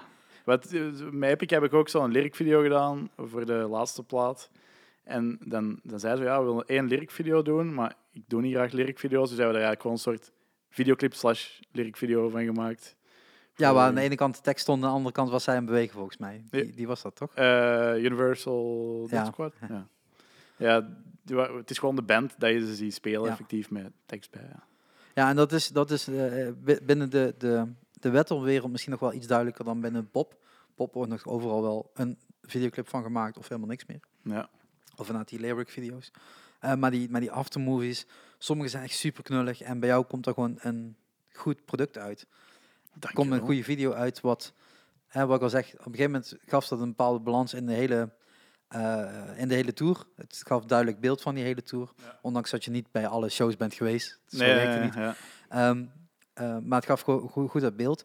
En ik dacht echt van, ja, als dan nu weer van, van zo'n van zo'n show, want er was natuurlijk een eh, Epic Metal Fest show, eh, weer een aftermovie eh, komt, dan Ja. weet ik niet als ik hem wil zien. En, Ja, en klopt, dit was een totaal ander gevoel. ja, toen heb ik echt het wel- samengezeten met, met Koen ook. van, wat gaan we doen? Het moet wel iets anders zijn. Exact. En hij stelde voor van het op de akoestisch nummer te doen. En ja, dat lijkt me wel een fijne uitdaging. Van die heftige metal show te monteren op een akoestisch Ja, exact. En Maar dat- door slow motion te gebruiken en, en eh, toch, toch eh, genoeg syn gesynchroneerde beelden, zeg maar, eh, komt het nog wel over. en nou, dit met wat ik zeg, ik heb die credits ik aan Mark doorgegeven, Cool. maar nu kan ik hem een keer aan jou geven. Want ik vind het wel heel tof. ehm, maar dan ga je een videoclip voor jezelf opnemen. Mhm, En je zegt al, jij neemt redelijk weinig de, de, de camera in hand. Mhm. Maar je wilt wel heel veel directen en eh, beslissingen nemen. Doe ik ook. Ja. Hoe doe je dat dan? Dan staan jullie eh, samen in beeld Ja. met de Maar ik blijf band. gewoon mee regisseren, denk ik. En sowieso doe, doe je het altijd samen met de artiest als ik een video maak. Maar nu ben je de artiest zelf. En nu ben ik de artiest zelf. Maar, dus, maar ja, wie geeft dus jou dan, gewoon- te- wie geeft jou tegen, tegenwicht? Wie gaat tegen jou in? Of is het Ja. gewoon vanuit de band zijnde, je hebt carte blanche en Ja, ik ben bij staan waar jij zegt dat het staat? Ik ben voor de, op de Kills video ben ik gewoon met het concept afgekomen. Van, ja, ik wil gewoon superveel vuur. Basically, ja, het nummer gaat over. Ik Ja, wou- jullie waren toch dat warme eh, v- eh, busje gewend, dus Ja, die warmte konden jullie aan. Nee, ik, ik dacht, eh, ik wil de, het nummer gaat over destructie. Het is het eerste nummer van een EP. Ik dacht, vuur, dat, dat, ik kan dat wel vertegenwoordigen. En daarnaast het muzikale gedeelte van de EP, de extra muzikanten. Er zit een cellist bij, Mhm. de organist staat erbij. Eh, en zo kunnen we het mooi uitbeelden in toch een gewone metal-energieke videoclip. Maar staat hij jou dan te directen als jij die solos eh, eh, zit te doen? En denk jij, tief op, want ik heb nu al zo lang met jou in een hokje gezeten? Oh nee, nee, maar dat is denk ik voor de videoclip als voor de opnames eh, in de studio zelf, als, als alles. Eh, je moet echt wel vertrouwen hebben in elkaar, in, eh, in wat dat je doet. En je moet elkaar ook gewoon eh, ja, zeggen waaraan en waaraf. Eh, en dat is niet als ik dan eh, van voor sta met de micro zelf, maar dat is gewoon even daarna, na, nadat we de eerste keer eh, iets hebben opgenomen. Ik probeer daar eens op te letten, probeer daar eens op te letten. En ik wil meer dat of dat zien. En dan weten we wat, dat- je op moet letten. En dat, eigenlijk is dat heel natuurlijk altijd, vind ik.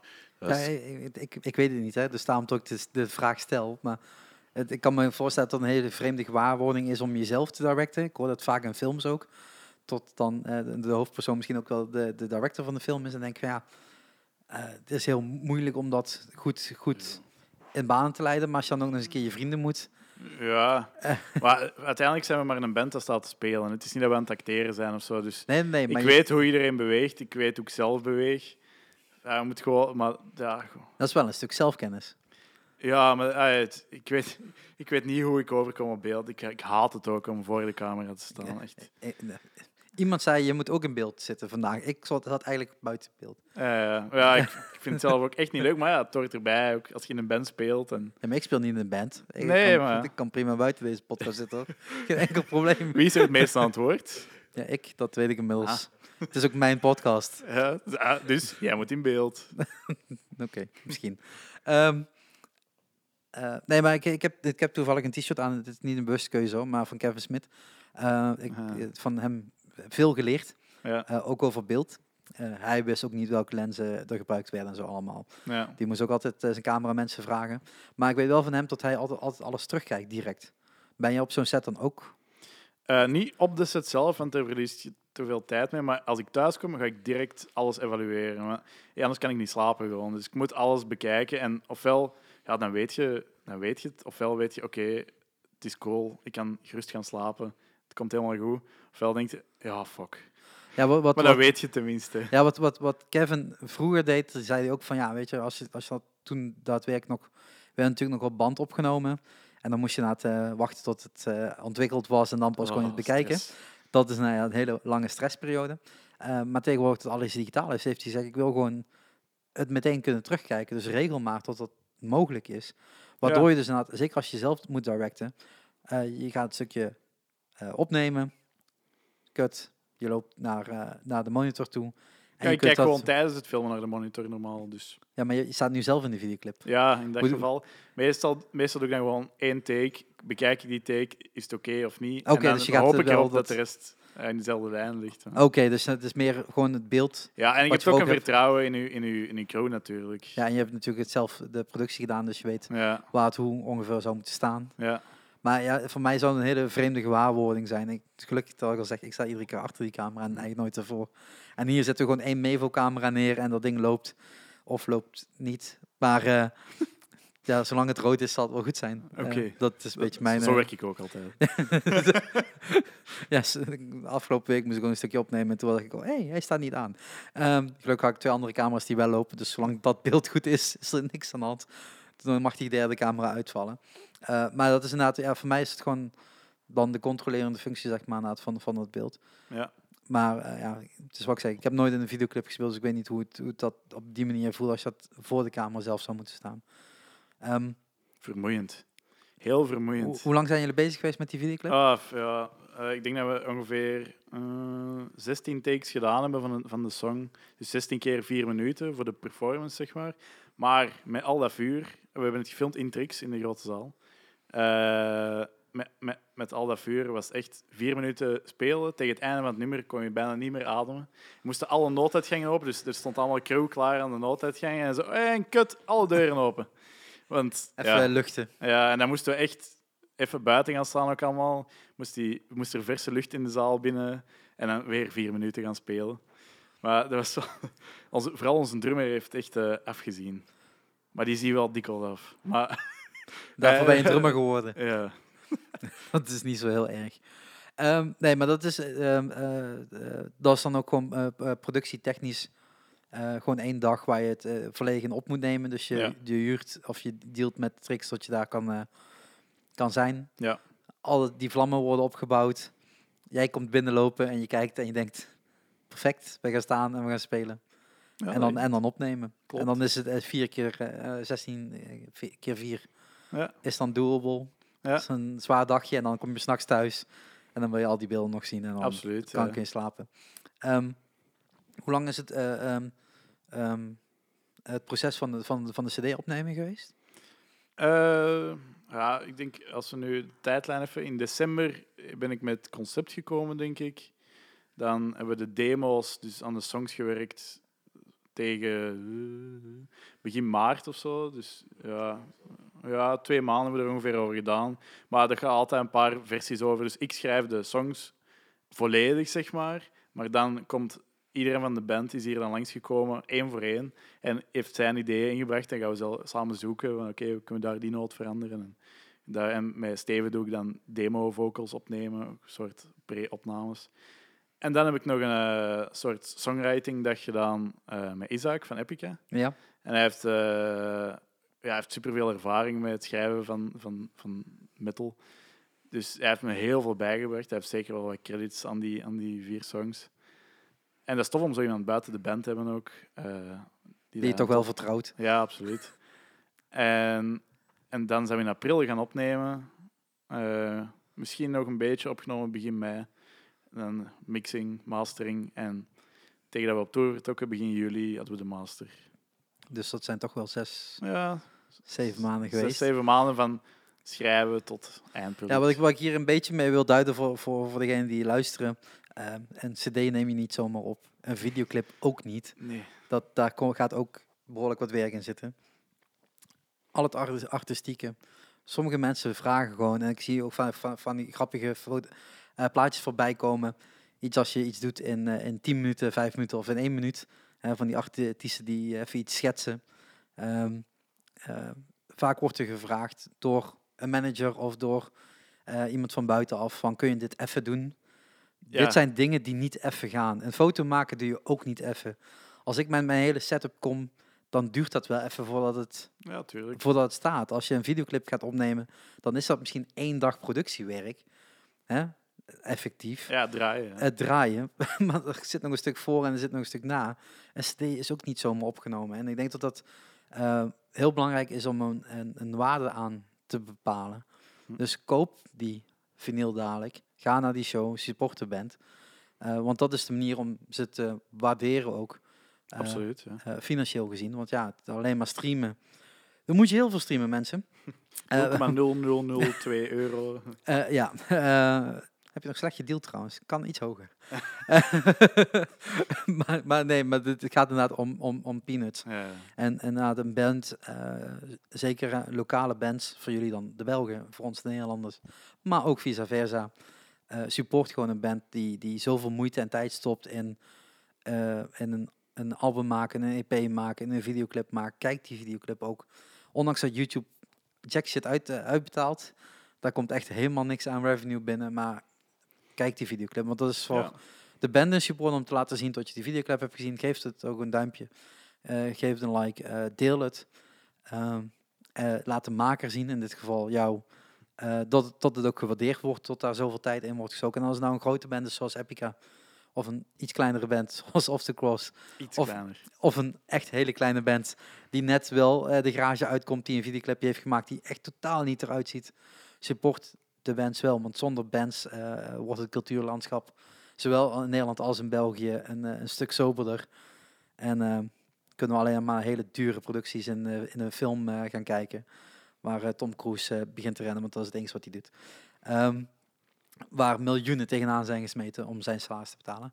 Ehm, nee, maar ik denk dat het wel heel, heel belangrijk is om dat Absoluut. te kaderen en, ja. en, en te laten weten. En jullie hebben een heel tof verhaal verteld over de tour. Jullie hebben laten horen hoe je een, een EP eh, neerzet eigenlijk en hoe je daarover kan nadenken. Tip vooral voor jonge bands, denk na over wat je doet. Het is zonde van je tijd insteken als het daarna... Ja, vooral voor jezelf is het ook gewoon veel fijner en heeft Ja. meer waarde. Ja, en, eh, en eh, wat ik al zeg, die waarde kun je, kun je uitbetalen in, in geld door, door het kopen. 2 november te streamen, nu al te pre-order op wit vinyl. Als je nog geen vinylspeler hebt, heb je nog tot 2 november om, het, eh, om die ook nog erbij te Ik heb kopen. er zelf geen. Oei. Oei. Dus ook jij hebt nog tot 2 november de tijd Yes. om er even eentje te scoren. Zo duur zijn die dingen niet meer. En anders eh, kun je Sinterklaas of eh, Kerstman vragen. Yes, yes, doe ik. En dan, laat je, dan zet je gewoon op de mail dat je de vinyl iets later wilt ontvangen. Ook allemaal geen probleem. Hij blijft gewoon te bestellen. Hij is niet limited oplagen. Eh, jawel. Oei. Maar als ze meteen Dan- uitverkocht is, gaan we misschien wel eens kijken. Oké, dus iedereen gewoon nu bestellen. En dan eh, de kerstman en Sinterklaas, die kunnen er dan nog een, eh, eentje extra bij bestellen. Later na. Zeker. Dat komt wel goed. Ik denk dat het een hele toffe afronding is. eh. Yes, Van een heel tof bedankt om helemaal tot eh, in Mortsel te komen. Ja, normaal gesproken duurt het iets minder lang. Ik ben benieuwd hoe lang het eigenlijk duurt om thuis te raken. Want ik moet nog wel de ring van Antwerpen op, dus het zal wel even duren. Eh, Heel veel succes gewenst. Dat mag ik nog een keer zeggen, want volgens mij heeft niemand je gehoord. Heel veel succes gewenst. Ja, dat dacht ik al, dankjewel. Ehm nee, dus eh, het, eh, het- ik vind het zo tof om, om het verhaal te horen. En ehm, ja, het is wat ik zeg, eh, support Off the Cross, luister die nieuwe plaat. Thanks. En jullie kunnen mij ook supporten, want dat heb ik nog helemaal niet verteld. Normaal doe ik Ah. die plug gewoon nog aan het begin. Patreon. Ja, exact. Daar moeten jullie ook eens aan beginnen. Als band zijn. Eens kijken hoe ver je komt. Eh, nee, maar patreon.com slash mcshark. eh, daar kun je alles wat ik doe eh, supporten. En dat heeft niet zozeer met fotografie te maken. Want al het geld wat er tot nu toe binnenkomt en gaat binnenkomen... gaat rechtstreeks naar bands toe. Want de Shark Sessions Live... eh, komende dinsdag... Komende klopt helemaal niet. eh, 23 oktober. Dinsdag 23 oktober. Dus degenen die het meteen luisteren... kunnen daar nog bij zijn. Gaan we een tweede Shark Sessions Live doen. Eh, waarbij eh, Heavy Faces komt spelen in Neritter. Locatie zeg ik nog steeds niet, want dan moet je gewoon voor aanmelden op een Facebook-event. Link staat natuurlijk in eh, hieronder in de description en in de show notes. Ik moest even de, de woord ook weer zoeken, maar het zijn show notes. Ehm, eh, dus je kunt je daar nog voor aanmelden. Het is gewoon helemaal gratis toegankelijk, maar ik wil die bands betalen. Want een optreden heeft een waarde en bands moeten niet voor gratis optreden, wat nog steeds wel gedaan wordt. Ja, Eh, voor promotionele doeleinden is dat af en toe goed, eh, maar niet voor gewoon de shows te geven. Dus daarom ik gewoon die bands wil betalen en dat gebeurt uit die Patreon-inkomsten. Ehm, en we hebben gewoon echt nog heel veel Patreons nodig, willen dat gewoon een beetje goed kunnen blijven doen. Eh, dus meld je daar gewoon aan, patreon.com slash mcshark en laat een euro of twee achter. En maak met een klein beetje geld veel mogelijk. En dan kunnen die bands ook gewoon een keer... ja, een nieuw zwembad kopen. een nieuw zwembad kopen, dan moeten ze heel vaak voor bij een Shark Sessions live komen. Maar eh, het, is, eh, het, is een, het is een beginnetje. En ik denk dat als we de onderkant van de markt, waar het toch voornamelijk in zit, eh, gewoon bandjes weer gaan betalen, dan komen ze gewoon een stapje verder. En dan kunnen ze een keer een tour meepakken, het busje huren, misschien net een keer een iets grotere show neerzetten. En Yes. daar heeft iedereen meer plezier van. Dus, dus help daarin mee. Ik blijf dat gewoon iedere keer, iedere podcast herhalen. En ik weet dat het heel moeilijk is om Patreons binnen te halen of mensen die dit supporten, want die weten nog steeds niet wat ik allemaal doe. Het gaat niet om mij, het gaat om die band supporten, maar daar heb ik wel jullie hulp bij nodig. Wil je mij helpen? Laat even een duimpje achter. Deel die podcast. Laat even een rating achter in de podcast app waar je naar luistert. Tegenwoordig ook in Spotify te horen, maar als je dit al hebt gehoord, weet je dat dan een Spotify is, want dat heb je net geluisterd. En anders gewoon in de iTunes podcast app of andere apps zoals Stitcher en dergelijke staat dit natuurlijk ook gewoon in. Deel het vooral, daar help je mee. En daarmee krijg je ook het feit dat Off the Cross nog breder bekend gaat worden. Ja, een nog groter zwembad kan bouwen. Inderdaad. Het wordt wel echt een heel groot zwembad. Ik weet niet waar je die gaat bouwen in Morsel, want volgens mij is dat niet een heel groot plaatje. Nee, maar ja. eh, eh, daar komt wel eh, tussen hier en Antwerpen eh, plek zat. ja, zeker. Want eh, eh, volgens mij zei Alex het ooit, je hebt Antwerpen en de rest was parkeerplaats. Klopt. Dus En Mortsel is vlakbij Antwerpen, dus hier is het een beetje de gehandicapte park. ja, dat is dichtbij, ja. Oké, hey, thanks. Thanks dat ik hier mocht zijn. Jij bedankt. En eh, wij gaan elkaar sowieso on the road zien. Dankjewel. Zeker. Yo. Doei. Hoe was het? Hoe lang was het? Lang. Bijna twee uur. Ja, ik was. Degelijk. Ik kon alleen maar uh, weten de dingen van de klokkentoren. Ah, ja, ja, ja. Ja, dat denk ik ook. wel.